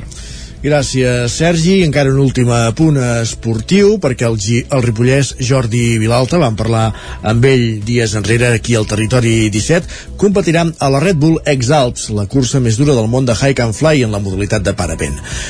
Isaac Muntades des de la veu de Sant Joan. El ripollès de 40 anys, Jordi Vilalta, que ara resideix a Folgueroles, ha estat un dels 32 participants seleccionats per participar a la Red Bull X-Alps, la competició més important i dura del món en la modalitat de Hike and Fly, que consisteix a caminar i volar en parapent. La prova començarà el 8 de juny amb un pròleg de 58 km i mig entre Kitzberg i Kitzbühel, a Àustria, però el plat fort no arribarà fins al dia 11. Els pilots hauran de recórrer 1.223 km de distància en un temps límit de 12 dies entre Hanke Hockenheim i el complex turístic de Zell am See, també a Àustria. La prova sortirà del país austríac i anirà fins al cim del Mont Blanc, als Alps francesos. Llavors entraran a Itàlia per tornar a Àustria i completar aquest recorregut circular. Vilalta, que és soci del Club Vol Lliure Serra Cavallera de Sant Joan de les Abadeses i Ugassa i bomber de professió, apunta que la prova té una alta exigència física i, de fet, només el 14% dels atletes que hi prenen part l'acaben. Els participants podran córrer des de les 5 del matí fins a les 10 de la nit i el vol es restringirà de les 6 del matí a les 9 del vespre. Cada nit els pilots hauran de fer un descans obligatori i no es podran moure de la seva ubicació. Això sí, també disposaran d'un as a la màniga o comodí. Tots els atletes podran utilitzar un passi nocturn d'un sol ús que els permetrà competir de nit, tot i que és una arma de doble tall, ja que comporta un desgast evident. És important subratllar que cada 48 hores s'eliminarà l'últim classificat de la prova. Vilalta comenta la importància de l'estratègia en aquest tipus de curses. Si tens un dia de pluja total tot el dia, òbviament no podràs volar i llavors el que puguis fer peu. El que puguis fer peu, cada persona variarà, però a veure, no, no serà gaire més de 70-80 quilòmetres a molt estirar. Però, és clar, llavors els dies que hi ha bones condicions de vol, t'has de llevar al matí, has de pujar fins a un lloc on et puguis, on, on puguis despegar en condicions bones, i llavors dependrà de la destresa de cadascú i de l'estratègia de, de vol. Mm, si et surt bé, caminaràs menys, volaràs més, que és el que, el que interessa. El gran punt fort d'aquestes curses són, és l'estratègia. O sigui, has d'estar amb, un, amb un nivell físic bo, amb un nivell de vol bo, però el que mana amb, amb llarga distància és l'estratègia. El parapentista ripollès vola des del 2009, però fa 5 anys que s'hi ha posat més seriosament amb l'ajuda d'un assistent, al qual li subministrarà aliment i beguda durant la prova. Vilalta recorda que a la competició la majoria dels atletes són professionals i ell és un dels 5 o 6 amateurs que hi ha. Això li treu pressió perquè ningú es fixarà tant en ell i podrà treure profit de la seva capacitat d'improvisació. Per entrenar, ell corre uns 15 o 20 quilòmetres amb el parapent per asfalt i també fa test de desnivell amb entre 2.500 i 3.000 metres acumulats. Per Vilalta, l'objectiu principal és acabar la prova. Gràcies, Isaac. Esperem que així sigui, que pugui complir aquest objectiu. Nosaltres el que fem tot seguit és tornar una codinenca i saludar el nostre home del temps, en Pep Acosta.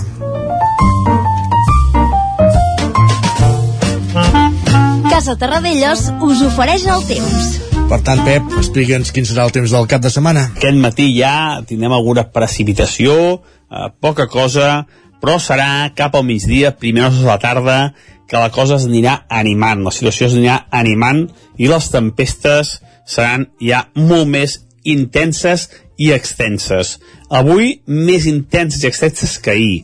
Uh, jo crec que es pot acumular potser la mateixa precipitació que ahir, uh, 10-20 litres, però més zones. Avui sí que serà més, més zones la, les que tocarà la pluja i és una excel·lent notícia. Les temperatures màximes eh, molt a ratlla, eh, els costarà molt superar els 20 graus. Demà també una situació inestable, al matí eh, núvols, eh, poca pluja, però a la tarda sí que hi pot haver alguna nova precipitació. Demà ja no seran tan intenses ni tan extenses, però bueno, encara hi pot haver alguna precipitació i amb unes temperatures encara una mica per sota del normal. I diumenge serà un temps gairebé calcat a la dissabte, amb unes temperatures força baixes i amb una inestabilitat, sobretot a les hores eh, eh, nocturnes, a partir, a partir, no nocturnes, sinó a partir del migdia, primeres de la tarda. Però el dia que les, el dia que les tempestes seran eh, més intenses, més extenses i poden deixar més litres en, en general, serà avui. Avui, aquesta tarda, és quan plourà més i dissabte i diumenge ja quedaran més restringides i no seran tan, tan importants. Les temperatures, eh, molt a ratlla, com deia, tot el cap de setmana, unes temperatures per sota del que seria normal per l'època de l'any, eh, mínimes, eh, la majoria entre eh, els 8, eh, 12 graus, per sota les zones del Pirineu, i màximes que els costarà molt arribar als 20 graus. Hi pot haver algun cop de vent eh, important, el moment tempesta, i la cota neu, atenció, perquè baixarà a 1.600-1.700 metres a la zona piridenca, eh? Per tant, eh, si aneu a muntanya, us heu d'emportar roba d'abric, gairebé d'hivern, perquè serà una situació bastant, bastant freda la que tindrem aquests dies. I això és tot, que tingueu un, un gran cap de setmana i que vagi molt bé i que puguem acumular molts i molts litres. Moltes gràcies, adeu. Doncs vinga, anem acumulant litres, que l'aigua també faci la seva feina als camps. Gràcies, Pep, bon cap de setmana. Casa Tarradellas us ha ofert aquest espai. I ara és temps pels esports al Territori 17. Territori 17. Envia'ns les teves notes de veu per WhatsApp al 646 079 023. 646 079 023. WhatsApp Territori 17.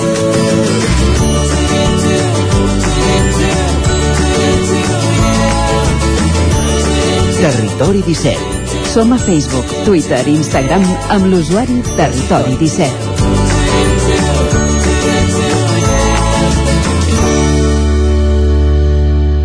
Doncs és temps pels esports, ja ho sabeu, un repàs que fem a l'agenda esportiva al cap de setmana en roda per als diferents eh, per les diferents emissores del territori 17, una roda que comencem als estudis de Ràdio Televisió Cardedeu, on un dia més ens hi espera en Pol Grau. Benvingut, Pol, bon dia. Bon, bon dia, Isaac, de nou. Com tenim l'agenda del cap de setmana? L'al·lèrgia ja veig Complet. malament, l'agenda no és una altra cosa. Comencem amb esports, amb, amb futbol, on el Cardedeu hi juga aquesta segona fase per ascens a primera, que ja de la derrota de la setmana passada ja se li complica per pujar a primera. Aquest cop rep a casa diumenge al Masnou a un quart d'una. El Cardedeu, que és quart amb 39 punts, se l'escapa aquesta tercera posició de, del parc amb 49 punts. Així que veurem com acaba aquesta segona fase i si acaba el més alt possible. El Llinàs, eh, el filial del Cardedeu, se'n va a Llerona a demà dissabte a dos quarts de cinc. El Cardedeu, que és eh, un C classificat amb 33 punts, jugarà contra el setè, que és el Llerona, amb 42 punts. A la mateixa lliga el Llinàs també se'n va demà dissabte a les 7 de la tarda contra el Martorelles. El Martorelles que és líder amb 69 punts i el Llinàs sí que és 10è amb 30 punts, 33 punts també. A primera catalana tenim el Granollers, que juga fora de casa diumenge a dos quarts de cinc contra el Figueres. El Granollers que juga contra el rival directe que és el Figueres amb aquest sisè classificat a 45 punts. I el Granollers que és quart amb 46 punts estan, totes les primeres posicions estan apretades amb només dos punts de diferència. Així que veurem com, com es van movent aquestes posicions. En bàsquet tenim el, el Llinàs, que juga fora de casa contra el Maristes Ademar, a demà dissabte a tres quarts de sis. El Llinàs que segueix coer a la Lliga, així que veurem com es resola aquesta última posició. I torna a la Lliga Sobal, que juga el Franklin Granollers, a demà diumenge a les 5 de la tarda al Palau dels Esports de Granollers rep el Vida, Vidaos, Vidasoa Irún així que veurem com van els punts i per acabar el Caxet Granollers, el femení juga aquesta segona fase de playdown contra el Betty Onac a rep a casa demà dissabte a les 5 de la tarda també al Palau d'Esports de Granollers així que qui vulgui anar a veure en vol tenim doble partit a Granollers per anar a veure-la doncs prenem nota. Gràcies, Pol. Fins ara. A tu, fins ara. Continuem aquest recorregut als estudis d'Ona Codinenca. Ens hi espera un dia més en Roger Rams. En Roger, com tenim l'agenda esportiva? Doncs vinga, va, fem una mica de repàs, que la cosa pinta força interessant aquest cap de setmana. Comencem parlant de futbol. A la primera divisió catalana, el Caldes visita aquest diumenge a les 12 del migdia al camp de l'Escala, en la 28a jornada del campionat de Lliga. Els calderins són ara tretzens amb 30 punts i necessiten sumar per sortir d'aquesta perillosa posició que els acosta el descens. Més futbol, aquí és quan la cosa es posa interessant. A la tercera divisió catalana, el grup 5, el líder, el Mollà, juga demà dissabte a les 5 de la tarda al camp del Folgueroles. Els moianesos estan obligats a guanyar si volen mantenir el lideratge d'aquest grup, ja que estan empatats a punts amb el Sant Feliu de Codines. Un Sant Feliu que jugarà de, diumenge, en aquest cas a les 6 de la tarda, al camp del Pradenc. Per tant, Mollà i Sant Feliu, que estan empatats ara 60 punts al capdavant de la classificació. Per la seva banda, qui també està obligat a guanyar eh, per una causa diferent, diguem-ho així, és el Vigues, que és cué, i visita diumenge a les 12 al camp del Vic.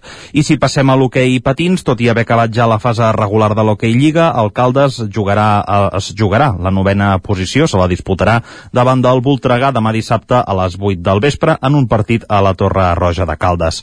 I pel que fa a l'hoquei patins femení, aquests dies s'està disputant a Calafell la Copa de la Reina d'hoquei patins i avui al vespre hi debuta el Vigues, que s'enfrontarà al Vilassana, això sí, amb els ànims força tocats després de perdre la categoria a la Lliga ara fa tot just una setmana. Doncs veurem com va aquest enfrontament. Gràcies, Roger, parlem d'aquí una estona. Fins ara ho seguirem. Continuem aquest recorregut pels estudis de la veu de Sant Joan, on ens espera un dia més l'Isaac Muntades, com tenim l'agenda esportiva el cap de setmana. Isaac, bon dia. Bon dia, Isaac. Uh, doncs aquest cap de setmana comencem parlant d'hoquei, perquè l'hoquei Club Ripoll se la juga amb el play-out de descens, tot i que si perd encara tindrà una darrera oportunitat de salvar-se en el definitiu. Aquest divendres a dos quarts de nou del vespre s'enfrontarà el Club Patí Vilanova en el segon partit de l'eliminatòria per allargar la sèrie a un desempat. Si perd haurà de jugar, com dèiem, un altre play-out, i si guanya jugarà el tercer partit a la pista del Vilanova aquest diumenge a dos quarts de set de la tarda per desempatar. Cal recordar que els Ripollers van perdre el primer duel per dos gols a un. I en futbol, el grup 18 de tercera catalana CAT dels equips ripolleros hi juguen res a hores d'ara excepte el fet de quedar el més amunt possible. El Camp de Bànol obrirà foc aquest divendres al vespre a les 9 de la nit en un horari poc habitual contra el Font Cobert, al camp dels del Pla de l'Estany. Ara mateix són cinquens al Camp de Bànol amb 48 punts i porten 3 derrotes en els últims 4 partits, mentre que el seu rival està en un bon moment de forma perquè fa 6 partits que no perd i acumula 3 victòries. El Camprodon jugarà al camp del Sant Pons aquest dissabte a les 5 de la tarda en un partit important perquè els camprodonins són novens amb 42 punts i el seu rival setè amb 44, per tant una victòria els permetria avançar-los a la classificació. El Camprodon acumula 3 victòries i un empat contra el líder, mentre que el Sant Pons va guanyar l'últim partit després de perdre en 4 de manera seguida. I la Badesenc jugarà a les 6 de la tarda aquest dissabte també en un gran partit a casa de, del Fornells, tot i que ja és intrascendent perquè el Fornells és campió amb 73 punts i 24 triomfs aquesta temporada. Només quatre derrotes i, i un empat ha cedit.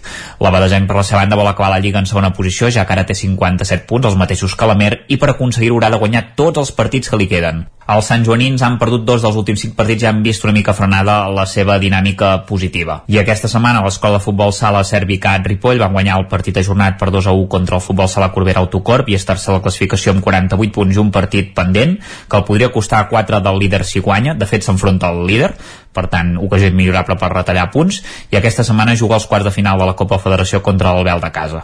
I acabem parlant del latisme perquè aquest dissabte es disputa la cursa dels bastions a la Vall de Ribes que comptarà amb terra recorregut. Hi haurà una ultra de 65 km i 4.200 metres de desnivell positiu, que coronarà doncs, el Puigmal, el Pic de l'Eina, el Nou Fons, el Nou Creus i el Balandrau, entre, entre altres, la marató de 51 km i 2.900 metres de desnivell que puja al Balandrau i la trail de 26 km i 1.600 metres de desnivell positiu. És possible també, hem de dir, que les condicions meteorològiques que s'espera pluja aquest cap de setmana puguin arribar a escurçar-les i els participants doncs, no hagin de fer tots aquests quilòmetres ni, ni tant de desnivell.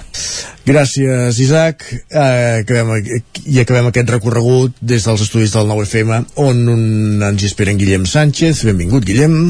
Hola, Isaac. Bon dia. Què tenim avui per l'agenda esportiva? Doncs mira, repassem l'agenda que ens espera per aquest cap de setmana, començant, per exemple, pels tres equips de futbol del grup 1 de primera catalana. Tindrem partit aquest dissabte a les 4 a casa entre el Vic i el Parets, un duel que pot eh, permetre als biguetans consolidar aquesta segona posició, ara mateix ja amb poques opcions d'arribar a aquesta primera que ocupa l'escala després de la derrota del darrer cap de setmana. Tot i això, un triomf asseguraria doncs, a, a aquesta segona posició ja a manca de només 9 eh, punts per disputar-se. Qui també jugarà a casa serà el Manlleu diumenge a les 5 de la tarda en un partit totalment intrascendent, ho farà contra, contra el Banyoles. I qui sí que té un partit important és el Torelló en aquest cas a fora, demà a dos quarts de cinc de la tarda al camp del Bosch de Tosca, un dels rivals encara directes de la part baixa d'aquest grup 1 de primera catalana, una victòria podria costar als homes de Litus Arjona aquestes eh, posicions de salvació i a la penúltima posició de descens no directe a segona catalana, per tant partit molt important per al Torelló aquest darrer cap de setmana. Qui també té partit eh, aquest diumenge a les 12 del migdia és el Vigru primer de la primera divisió nacional femenina, rep a casa el Saragossa B en el que és ja l'últim partit d'aquesta temporada, una victòria i combinat amb altres resultats podria ajudar fins i tot a acabar en quarta posició a la classificació fent una gran campanya, ara mateix les de Cristian Donaire són sisenes. Canviem d'esport i passem l'hoquei patins perquè aquest diumenge a les 5 de la tarda el Martinelli Club Patí Manlleu juga el primer dels partits de l'eliminatòria per l'ascens de l'hoquei Lliga Plata cap a l'hoquei Lliga. Serà com dèiem aquest diumenge a partir de les 5 però és que també tenim més hoquei patins perquè per exemple el diumenge a les 6 de la tarda el, hi ha duel entre Tona i el Voltregà Masies per al playout és a dir per mantenir la categoria de nacional catalana. I també té partit important de de competició el Club Patí Voltregà Ester Motor masculí en aquest cas per aconseguir la novena posició de l'Hockey Lliga i per tant garantir-se una plaça per jugar competició europea la temporada que ve. En el cas de competició regular aquests serien els principals partits del cap de setmana però també tenim altra activitat, per exemple tenim la 29a edició de la Cabrerès BTT de ciclisme que dissabte començarà a les 10 del matí i hi haurà una nova edició també diumenge a les 6 de la tarda amb, ai, a les 6 del matí, perdó, amb fins a 3 rutes la ruta dels cingles de 20 km, la de Cantoni Gros de 35 i finalment la ruta del Campanar que serà de 60 km qui vulgui córrer en aquest cas per muntanya també té l'opció de fer-ho al trail de, de Sora ja que aquest diumenge se'n disputa la tercera edició amb dos recorreguts, el d'11 km d'una cursa circular amb un desnivell positiu de 615 metres i també un altre recorregut de 28 quilòmetres amb una distància amb un desnivell positiu i negatiu de 1.235 metres. I per destacar també, Isaac, hem de dir que aquest dissabte a les 5 de la tarda al pavelló municipal de Manlleu hi haurà una vetllada internacional de boxa en la qual es reben equips provinents de Londres i també d'Andorra. En total s'hi podran veure 17 combats en els quals hi haurà doncs, boxa d'alt nivell, una vetllada organitzada pel Hook School Club Boxa de Manlleu. Per tant, oportunitat de descobrir també eh, aquest esport aquest cap de setmana aquí a la comarca. Doncs vinga, boxa a Manlleu per tancar aquesta agenda esportiva. Gràcies, Guillem. Que vagi molt bé. Bon dia. I nosaltres avancem al territori 17, després dels esports fem una petita pausa i ja ens esperen Jaume Espuny amb el seu clàssic musical. El nou FM, la ràdio de casa, al 92.8. Si t'agraden les antiguitats, vine el 14 de maig al recinte Firal al Sucre de Vic. A la descarregada de Vic hi trobaràs mobiliari, objectes de decoració, peces d'art, joies, eines, llibres, etc. Descarregada d'Antiguitats de Vic. Diumenge 14 de maig. De 8 del matí a 2 del migdia. Sorteig d'un obsequi entre tots els visitants. No t'ho pots perdre. Ajuntament de Gurb El divendres 19 de maig no et perdis Meta, un espectacle de teatre documental per parlar de la tragèdia a l'estret de Gibraltar i el patiment de les persones que lluiten per creuar-lo. Ibrahim Diallo posa veu a aquest drama amb un monòleg colpidor que acabarà amb un debat postfunció amb el públic. Divendres 19 de maig, a dos quarts de nou del vespre, a la sala del Molí de l'Esperança de Gur. Entrades a taquilla.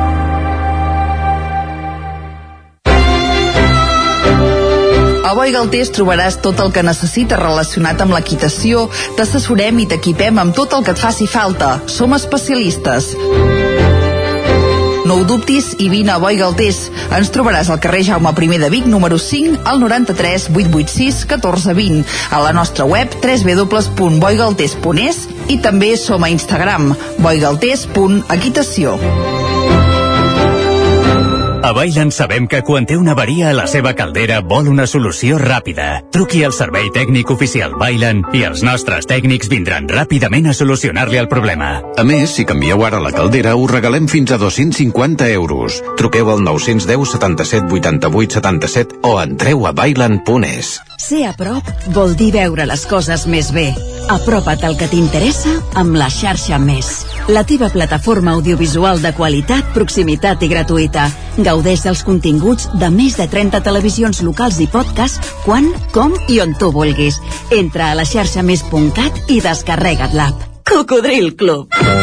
Si t'agrada la bona música dels anys 60, 70 i 80, escolta el 9 FM als matins de dissabtes i diumenges d'11 a 1. És el temps del Cocodril Club, tot un clàssic de la ràdio, amb les bases del pop-rock, les llegendes, les cançons que s'han convertit en autèntics himnes. Recorda, dissabtes i diumenges al matí, d'11 a 1, al 9 FM 92.8. Cocodril Club, el programa revival de l'Albert Malla. Hasta Anuncia't al 9FM. La màquina de casa. 9 3 8 8 9 4 9 Publicitat arroba al 9FM.cat. Anuncia't al 9FM.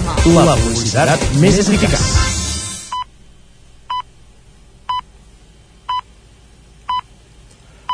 En punt, ara mateix, dos quarts d'onze, al territori 17.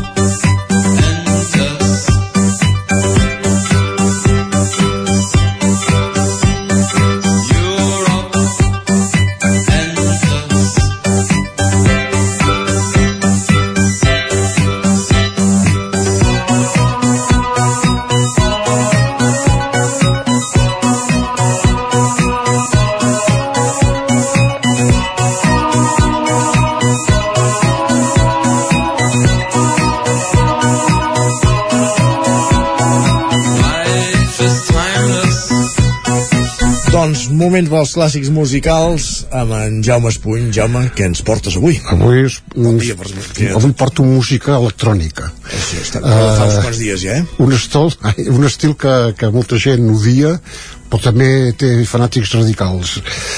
Uh, I els representants més genuïns de, de la música electrònica són aquest grup que portem avui, però algú pensa que això de la música electrònica és una cosa nova i clar, veig que aquest disc té, té tants anys com jo Uh, molt bé, de l'any 77 el disc que és potser el més famós Trans i Europe Express. I el grup es diu Kraftwerk uh, sorgit el 1970 i amb aquesta música que estem sentint no? que bueno, això, electrònica.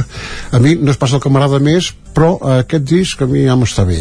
Per, per això el tinc a casa eh? no me'l vaig comprar eh, estem sentint en aquests moments E- Europe Endless final d'Europa i ara sentirem Show Roll Dummies que vol dir més o menys maniquins d'aparador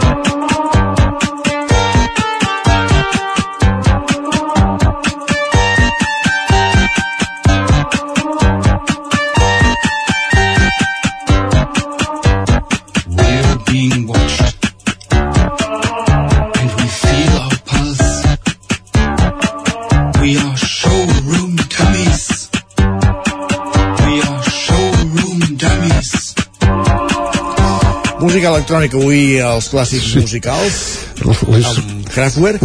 Kraftwerk, sí.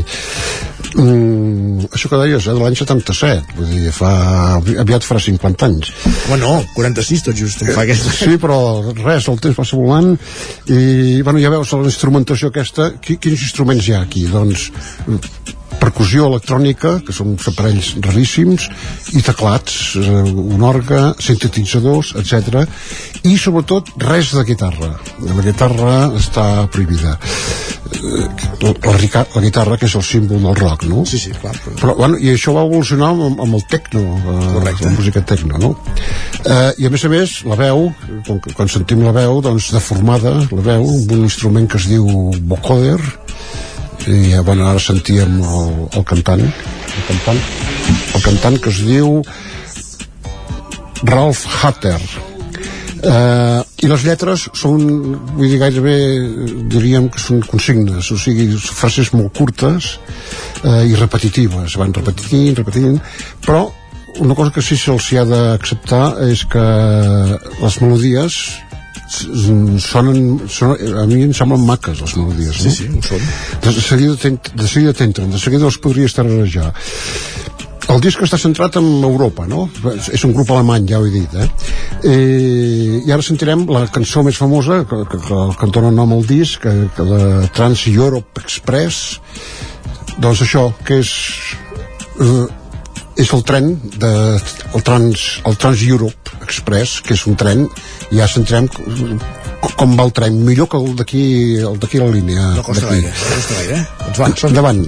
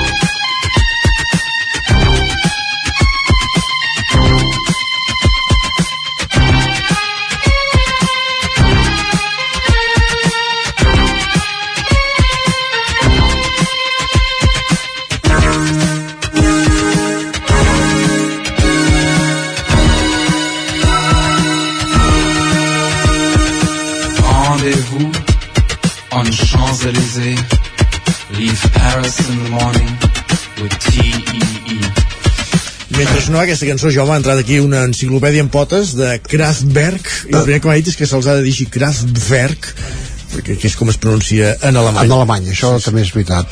Uh, aquesta enciclopèdia en potes de, devia ser en Jordi Vilarrodà, més o menys. sí, sí. Molt bé. I he vist que coneixia molt i que és un gran fan de, del grup, eh? Bueno, està bé. Tuc, tuc, tuc, tuc, tuc, tuc. Exacte. Uh, Hi ha gent per tot. La, la portada mateix eh, és música futurista, diria, de ciència-ficció, i la portada més o menys ho sembla, no? Els, els quatre components semblen robots, més a més. El, el, el que van formar el grup van ser eh, eh, dos músics, en Ralf Hattler, vés a saber com es diu en alemany, i Florian Schneider, que es van conèixer quan estudiaven música clàssica al Conservatori de Düsseldorf i van, van formar el grup i el grup va durar fins a principis del segle, se- a principis del segle XXI es anaven canviant els components però ells dos sempre hi eren fins que fa, el, un és mort el Florian Schneider va morir fa 3 anys quan en tenia 73 Molt bé. eh, ja, ja han, des, han desaparegut definitivament jo diria Però queda el seu llegat en forma exacte, d'obra. ah, exacte, hi ha discos, etc. Eh, com que són alemanys, hi ha una cançó aquí, eh, en plan clàssic, que es diu Franz Schubert. Sí. que suposo que està dedicada a Schubert. Imaginem. Sentim-la. Sí?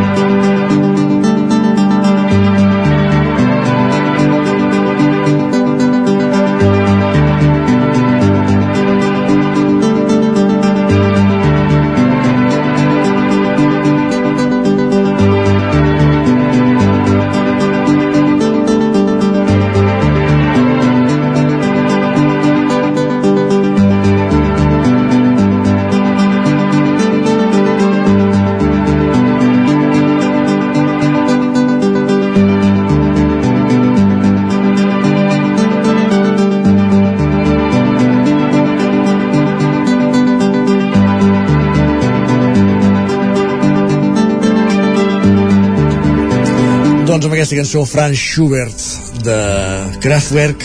Acabem, acabem avui aquesta secció que, dels clàssics musicals que hem dedicat a aquest grup. Uh, que al seu dia podem dir que van ser els precursors de la música Sí, sí, sí, són els precursors. i hem escoltat aquest disc que té ara 46 anys, Trans Europe Express. Els són els precursors i ara per ara els millors que hi ha hagut, sens dubte. doncs queda dit. Gràcies Jaume i tornem la setmana vinent. Molt bé.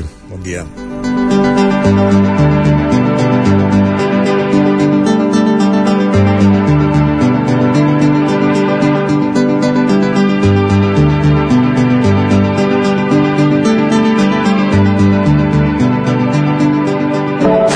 Territori 17, el 9 FM, la veu de Sant Joan, Ona Codinenca, Ràdio Cardedeu, Territori 17.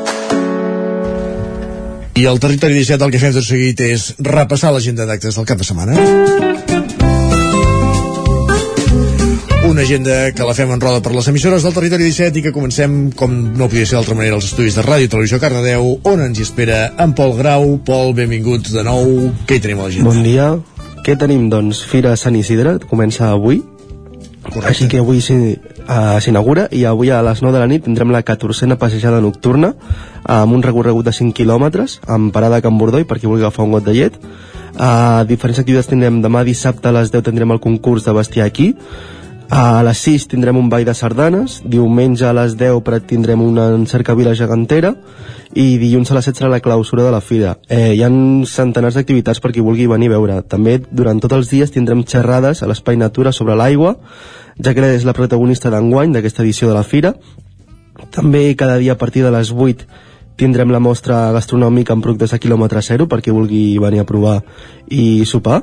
Uh, què més tindrem? Eh, tindrem la celebració de la nit dels museus uh, aquest, dissabte, aquest dissabte a partir de les 10 fins, les 11 i, fins a dos quarts de la 12 uh, al museu on tindrem la, uh, per activitats performatives al costat de l'exposició de pobles nòmades uh, què més? Uh, el, i al cinema al Verdi, a l'Esbarjo tindrem la pel·lícula de Blue Jean uh, avui divendres a les 8 demà dissabte i diumenge a partir de les 7 i de la Fira Sant Isidre doncs, eh, tindrem moltíssimes activitats per qui vulgui venir a veure eh, durant tota aquesta setmana fins dilluns, a, fins dilluns aquí a Cardedeu Molt bé, doncs esteu entretinguts amb la fira, bona fira, eh, Pol. Gràcies. On no tenen fira Sant Isidre però tenen altres històries és a una codinenca, l'entorn de Sant Feliu de Codines. Roger, benvingut de nou, bon dia. Bon dia, sí, ara quedarà una mica curt, potser no estem tan entretinguts com a Cardedeu, això segur, però bé, al cap i al fi també tenim, també tenim activitat aquí a Sant Feliu i als pobles del voltant. Comencem, doncs, aquí on hi destaquem cada demà dissabte al Parc de Can Xifreda i arriba la cinquena edició de la Birrada Artesana, la fira de la cervesa artesana que comptarà amb productors d'arreu del país, música, food trucks i la presentació de la nova cervesa de Sant Feliu. Diumenge se celebra la 14a edició de la Marxa dels Cingles, que sortirà d'aquí de Sant Feliu i anirà a Xinoxano fins a l'Ametlla del Vallès, amb dues distàncies, una de 35 quilòmetres i una per... i una altra de 17. Anem ara cap a Caldes de Montbui. Dissabte s'hi farà un taller familiar amb el títol Piruletes de xocolata, on es debatrà sobre el comerç just a través del cacau i l'ofici dels xocolaters i també dissabte al Parc del Bugarai hi haurà la Fira d'Abril amb música i casetes. A Vigues i Riells del Fai aquest dissabte es dona el tret de sortida la tretzena edició del Festival de Música Clàssica, que s'allargarà fins al proper 4 de juny, amb diverses actuacions els caps de setmana, mentre que diumenge a les 11 del matí la plaça Lluís Companys de Vigues acollirà la ballada de gitanes. I si marxem ara cap a la comarca del Moianès, a la capital a Moià, demà dissabte hi haurà un concert de música de cambra a les 5 de la tarda a l'Auditori Sant Josep, mentre que a les 6 al mateix espai hi haurà un concert de piano eh, en el marc del cicle de joves talents. D'altra banda, diumenge el Centre Cultural Les Faixes, també de Mollà, acollirà una campanya de donació de sang i acabem a Castellterçol, on demà dissabte a les 9 del vespre Guillem Roma presenta Postureo Real, el nou disc amb una desena de temes que sonaran a l'espai escènic de Castellterçol. Doncs vinga, una bona iniciativa per clar. Gràcies, Roger. Gràcies, bon cap de setmana. Bon cap de setmana. Continuem aquest recorregut per les emissores del territori 17, els estudis del 9FM, com cada setmana en companyia d'en Jordi Vilarrodà i en Miquel R per repassar l'agenda d'actes d'aquest cap de setmana. Uh, qui vol començar de, dels dos? Um, hi ha molta activitat pròpiament cultural i d'espectacles si voleu uh, amb temes de lleure d'oci faig jo primer una primera falca i llavors de, deixo, deixo pas amb en Jordi uh, res, per recordar mm, tres cites, eh, tres cites obligades. A Torelló, Mercat del Trasto un clàssic, estem parlant ja eh, de més de 40 edicions. Eh, i, i el format diguéssim està molt consolidat, és el matí de bon matí. De fet els firaires hi arriben ja a les 6 comencen a muntar i a repartir, i a repartir parades. La gent que no s'hi acosti tant d'hora serà a partir de les 8 que obriran la taverna a partir, i hi haurà activitat fins a les 2 del migdia.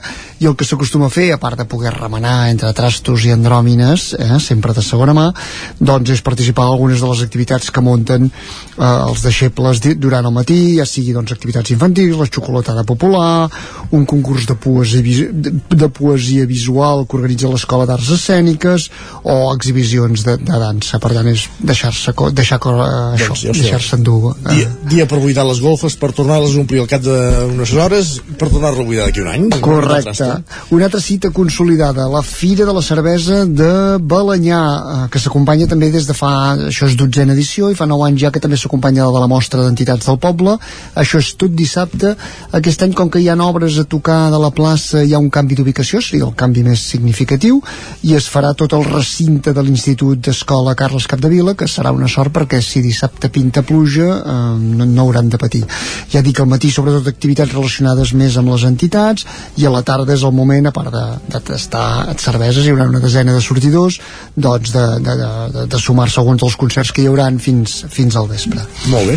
I res, finalment, per als més curiosos i qui vulguin treure el cap, un, un detall molt curiós, eh, a Centelles s'han inventat una cosa que es diu liada arrossera, eh, que és un concurs de, de paelles d'arròs, que ara està, que es porten molt, diguéssim, esperem que els acompanyi el bon temps, això està al sector de la Riera, i ja hi ha una desena llarga de, de participants inscrits, eh, de gent no només de Centelles, de Balanyà, de Vic, i encara pot ser que hi hagi el, algú més a última hora, hi haurà un jurat format per en Lluc Cruselles, l'Eduard Aliberg i en Ramon Portet, que és tot un Carai. aficionat amb això dels arrossos, i per tant, eh, el sector de la Riera de la Riera Blanca, qui vulgui tregui el cap, i si cal poder també li deixaran tastar algun arròs i tot. Doncs, només pel jurat ja val la pena, si s'ho posessin ells. Gràcies, Correcte. Miquel. Doncs això. Jordi, tenim 6 minuts per repassar l'activitat cultural, va. Molt bé, doncs som-hi eh, aquest cap de setmana amb un, una colla de- d'esdeveniments perquè aquest cap de setmana hi ha molta activitat cultural.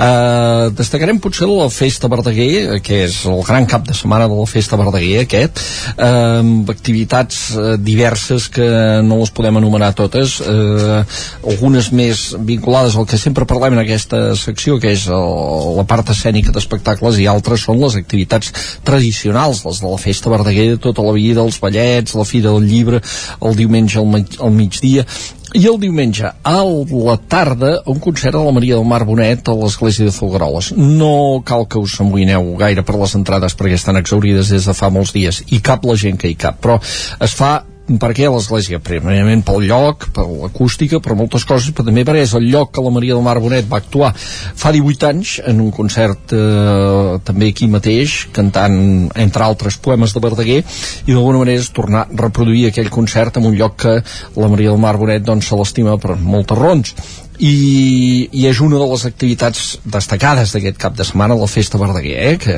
com ja diem n'hi ha moltes d'altres, demà es planta l'arbre de maig. Avui es presenta un llibre monumental que és el dietari de Verdaguer de l'Àlvar Valls a les 7 de la tarda. Eh, i la festa continuarà la setmana vinent. Però en tot cas deixem dit, Festa Verdaguer mm, gran proposta al cap de setmana. També continua el Festival de Jazz de Vic. Continua el Festival de Jazz amb un concert destacat que és dels concerts caps de cartell és un concert d'una formació noruega que es diu Jaga Jazzist. Aquesta gent són vuit músics, eh, és aquest estil que es diuen el nu jazz, eh, que, que, que ha estat un referent en el Festival de Jazz de Vic, Eh, són molt bons, o sigui, porten més de 20 anys de trajectòria, només el primer disc ja el va escollir la BBC com el millor disc de jazz d'aquell any, de l'any 2002, i actuaran a l'Atlàntida, serà el, el concert del Festival de Jazz que en té molts d'altres, que en té molts d'altres que també convidem a mirar doncs, a l'agenda per exemple el dissabte doncs, hi ha formacions d'instrumentistes catalans del baterista Òscar Domènech i del saxofonista Albert Cirera que actuaran a fora de la Jazz Cava o el diumenge també un final amb la recuperació d'alguna manera de la banda de la Cava de Jazz eh? la Jazz Cava Ensemble que de moment no es pot dir que, hagi, que, que, que sigui una banda estable encara no, però eh, farà aquesta primera actuació diumenge a la tarda per tancar el Festival de Jazz també a l'escenari exterior de la plaça del Carbó si no plou. Eh, una altra proposta destacada pel cap de setmana la companyia usonenca Low Cost que estrena aquest divendres i dissabte a l'ETC de Vic un espectacle que es diu Mutis eh, lliga amb el que són ells o sigui, fan teatre del gest teatre mut, però Mutis també és perquè el Mutis és aquell moment que un personatge desapareix de l'escenari i aquí la història va de parlar de la mort, de quan algú desapareix desapareix de la vida i és un tema delicat però que ells s'atreveixen a tractar-lo des de la perspectiva en què ho fan ells habitualment, que és el seu quart espectacle ja, és a dir, des de l'humor. Aquesta companyia que hi ha en Xevi Font en Lluís Bové, la Berta Pagès i la incorporació d'en Xevi Capdevila eh, que, que s'afegeix. Eh, es tanca també aquest cap de setmana el novè cicle de músiques de Santa Llúcia de Taradell eh, que s'acaba amb un concert sobre Bach eh, que és un concert eh, clàssic ja de sonates de Bach el Bach A3, tres reconeguts membres de l'OBC que això serà diumenge eh, que, que s'acaba doncs aquest cicle de Santa Llúcia a les 6 de la tarda.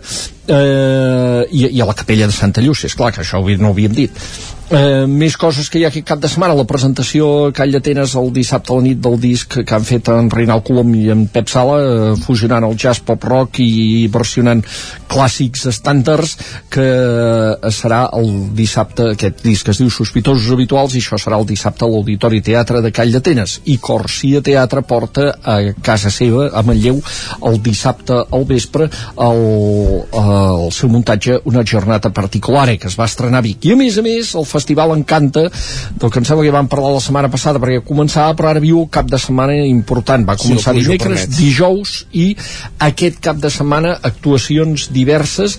Eh, hi ha fins a 12 actuacions entre elles convidem a mirar l'agenda del 9-9 per horaris i per tot les de dos usonencs o un, una que ja no de fet el Torellonenc d'en Peralbo i l'altre és la Mar Pujol, que és del Lluçanès. Per tant ja podem dir que és usonenc presentant nous treballs. I a més a més la Paula Grande, la Magalí Zira Joget i Maria Ribot etc etc que també, això, mireu l'agenda que hi són tots i hi ha més coses, eh, però ens aturem aquí perquè ja, ja, Perquè no, ja, ja no ja, no, ja, no, acabaríem, no acabaríem Si no, no deixaríem temps en muntades. que ah, exactament, que ens ha de parlar del Ripollès I de la festa major de Ripoll. Gràcies, Miquel i Jordi. Bon Molt bé, adéu. setmana, bon cap de setmana. I com dèiem, acabem aquest recorregut a l'agenda als estudis de la veu de Sant Joan, on ens hi espera l'Isaac Muntades per repassar, entre altres qüestions, com dèiem, la festa major de Sant Eudal de Ripoll. Isaac, benvingut de nou. Bon dia de nou. Doncs, evidentment, la festa major de Sant Eudal de Ripoll marca l'agenda d'oci eh, i cultural d'aquest cap de setmana. Eh, avui divendres el dia ja comença amb el campionat de Botifarra i per així el concert de l'aire, les anxoetes i Catzara. També a la nit eh, hi haurà nit de DJs, hi haurà DJ Paranoid, Aitor Herrera, DJ Hochi, DJ Puig Cande, molts DJs, la veritat, molts DJs locals i sobretot eh, els eh, grans caps de cartell que aquest any doncs evidentment tenim boicot i també les que faltaven eh?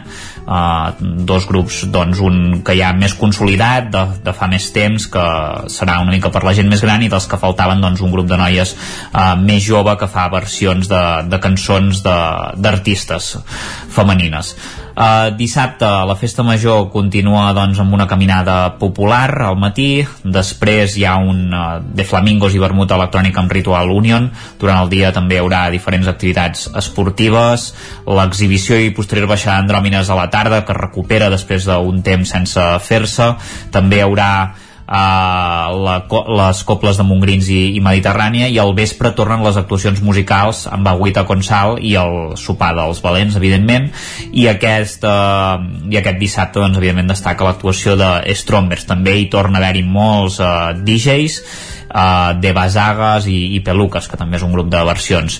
Uh, L'últim dia de la festa major, el diumenge, doncs, evidentment, inflables pels més petits al, al matí, el Gran Quinto de Sant Eudal, la tornaboda embarrossada, l'actuació del Coi i els Mongrons, a l'inici del passant i també la dansa dels clavells i ballada la dansa de la plaça de l'Ajuntament amb un acte doncs, uh, molt tradicional que sempre és molt típic de, de la festa major de Ripoll i per acabar hem de dir que hi haurà el Castell de Focs a càrrec de Pirotècnia Estalella a la devesa del Pla per tancar la festa major. Uh, a banda d'això, aquest cap de setmana hi ha poca cosa més.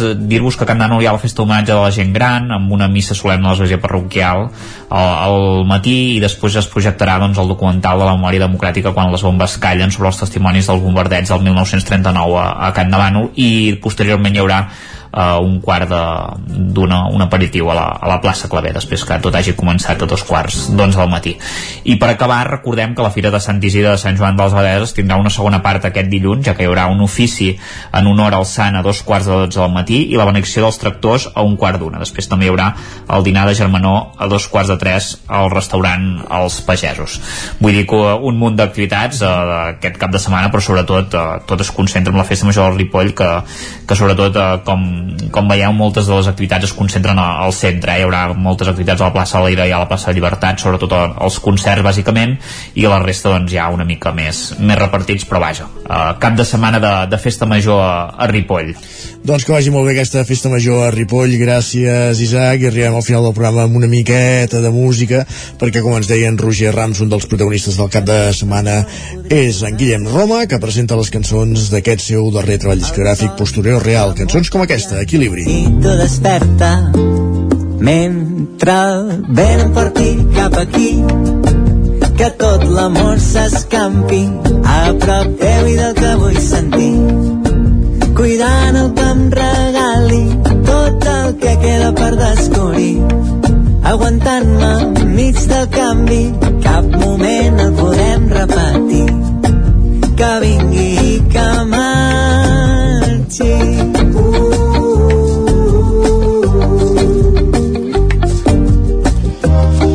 Guillem Roma amb el seu disc Posterior Real que actua aquest cap de setmana al Moianès i, que nosaltres, i nosaltres que posem punt i final al territori 17 d'aquest divendres 12 de maig de 2023. Us hem acompanyat des de les 9 del matí Gemma Permanyer, Víctor Palomar, Pep Acosta, Jordi Vilarrodà, Miquel R, Guillem Sánchez, Roger Rams, Pol Grau, Isaac Montada, Sergi Vives i Isaac Moreno. I tornarem dilluns a partir de les 9. Fins aleshores, que vagi tot molt bé i molt bon cap de setmana a tothom. Moltes gràcies. Adéu-siau.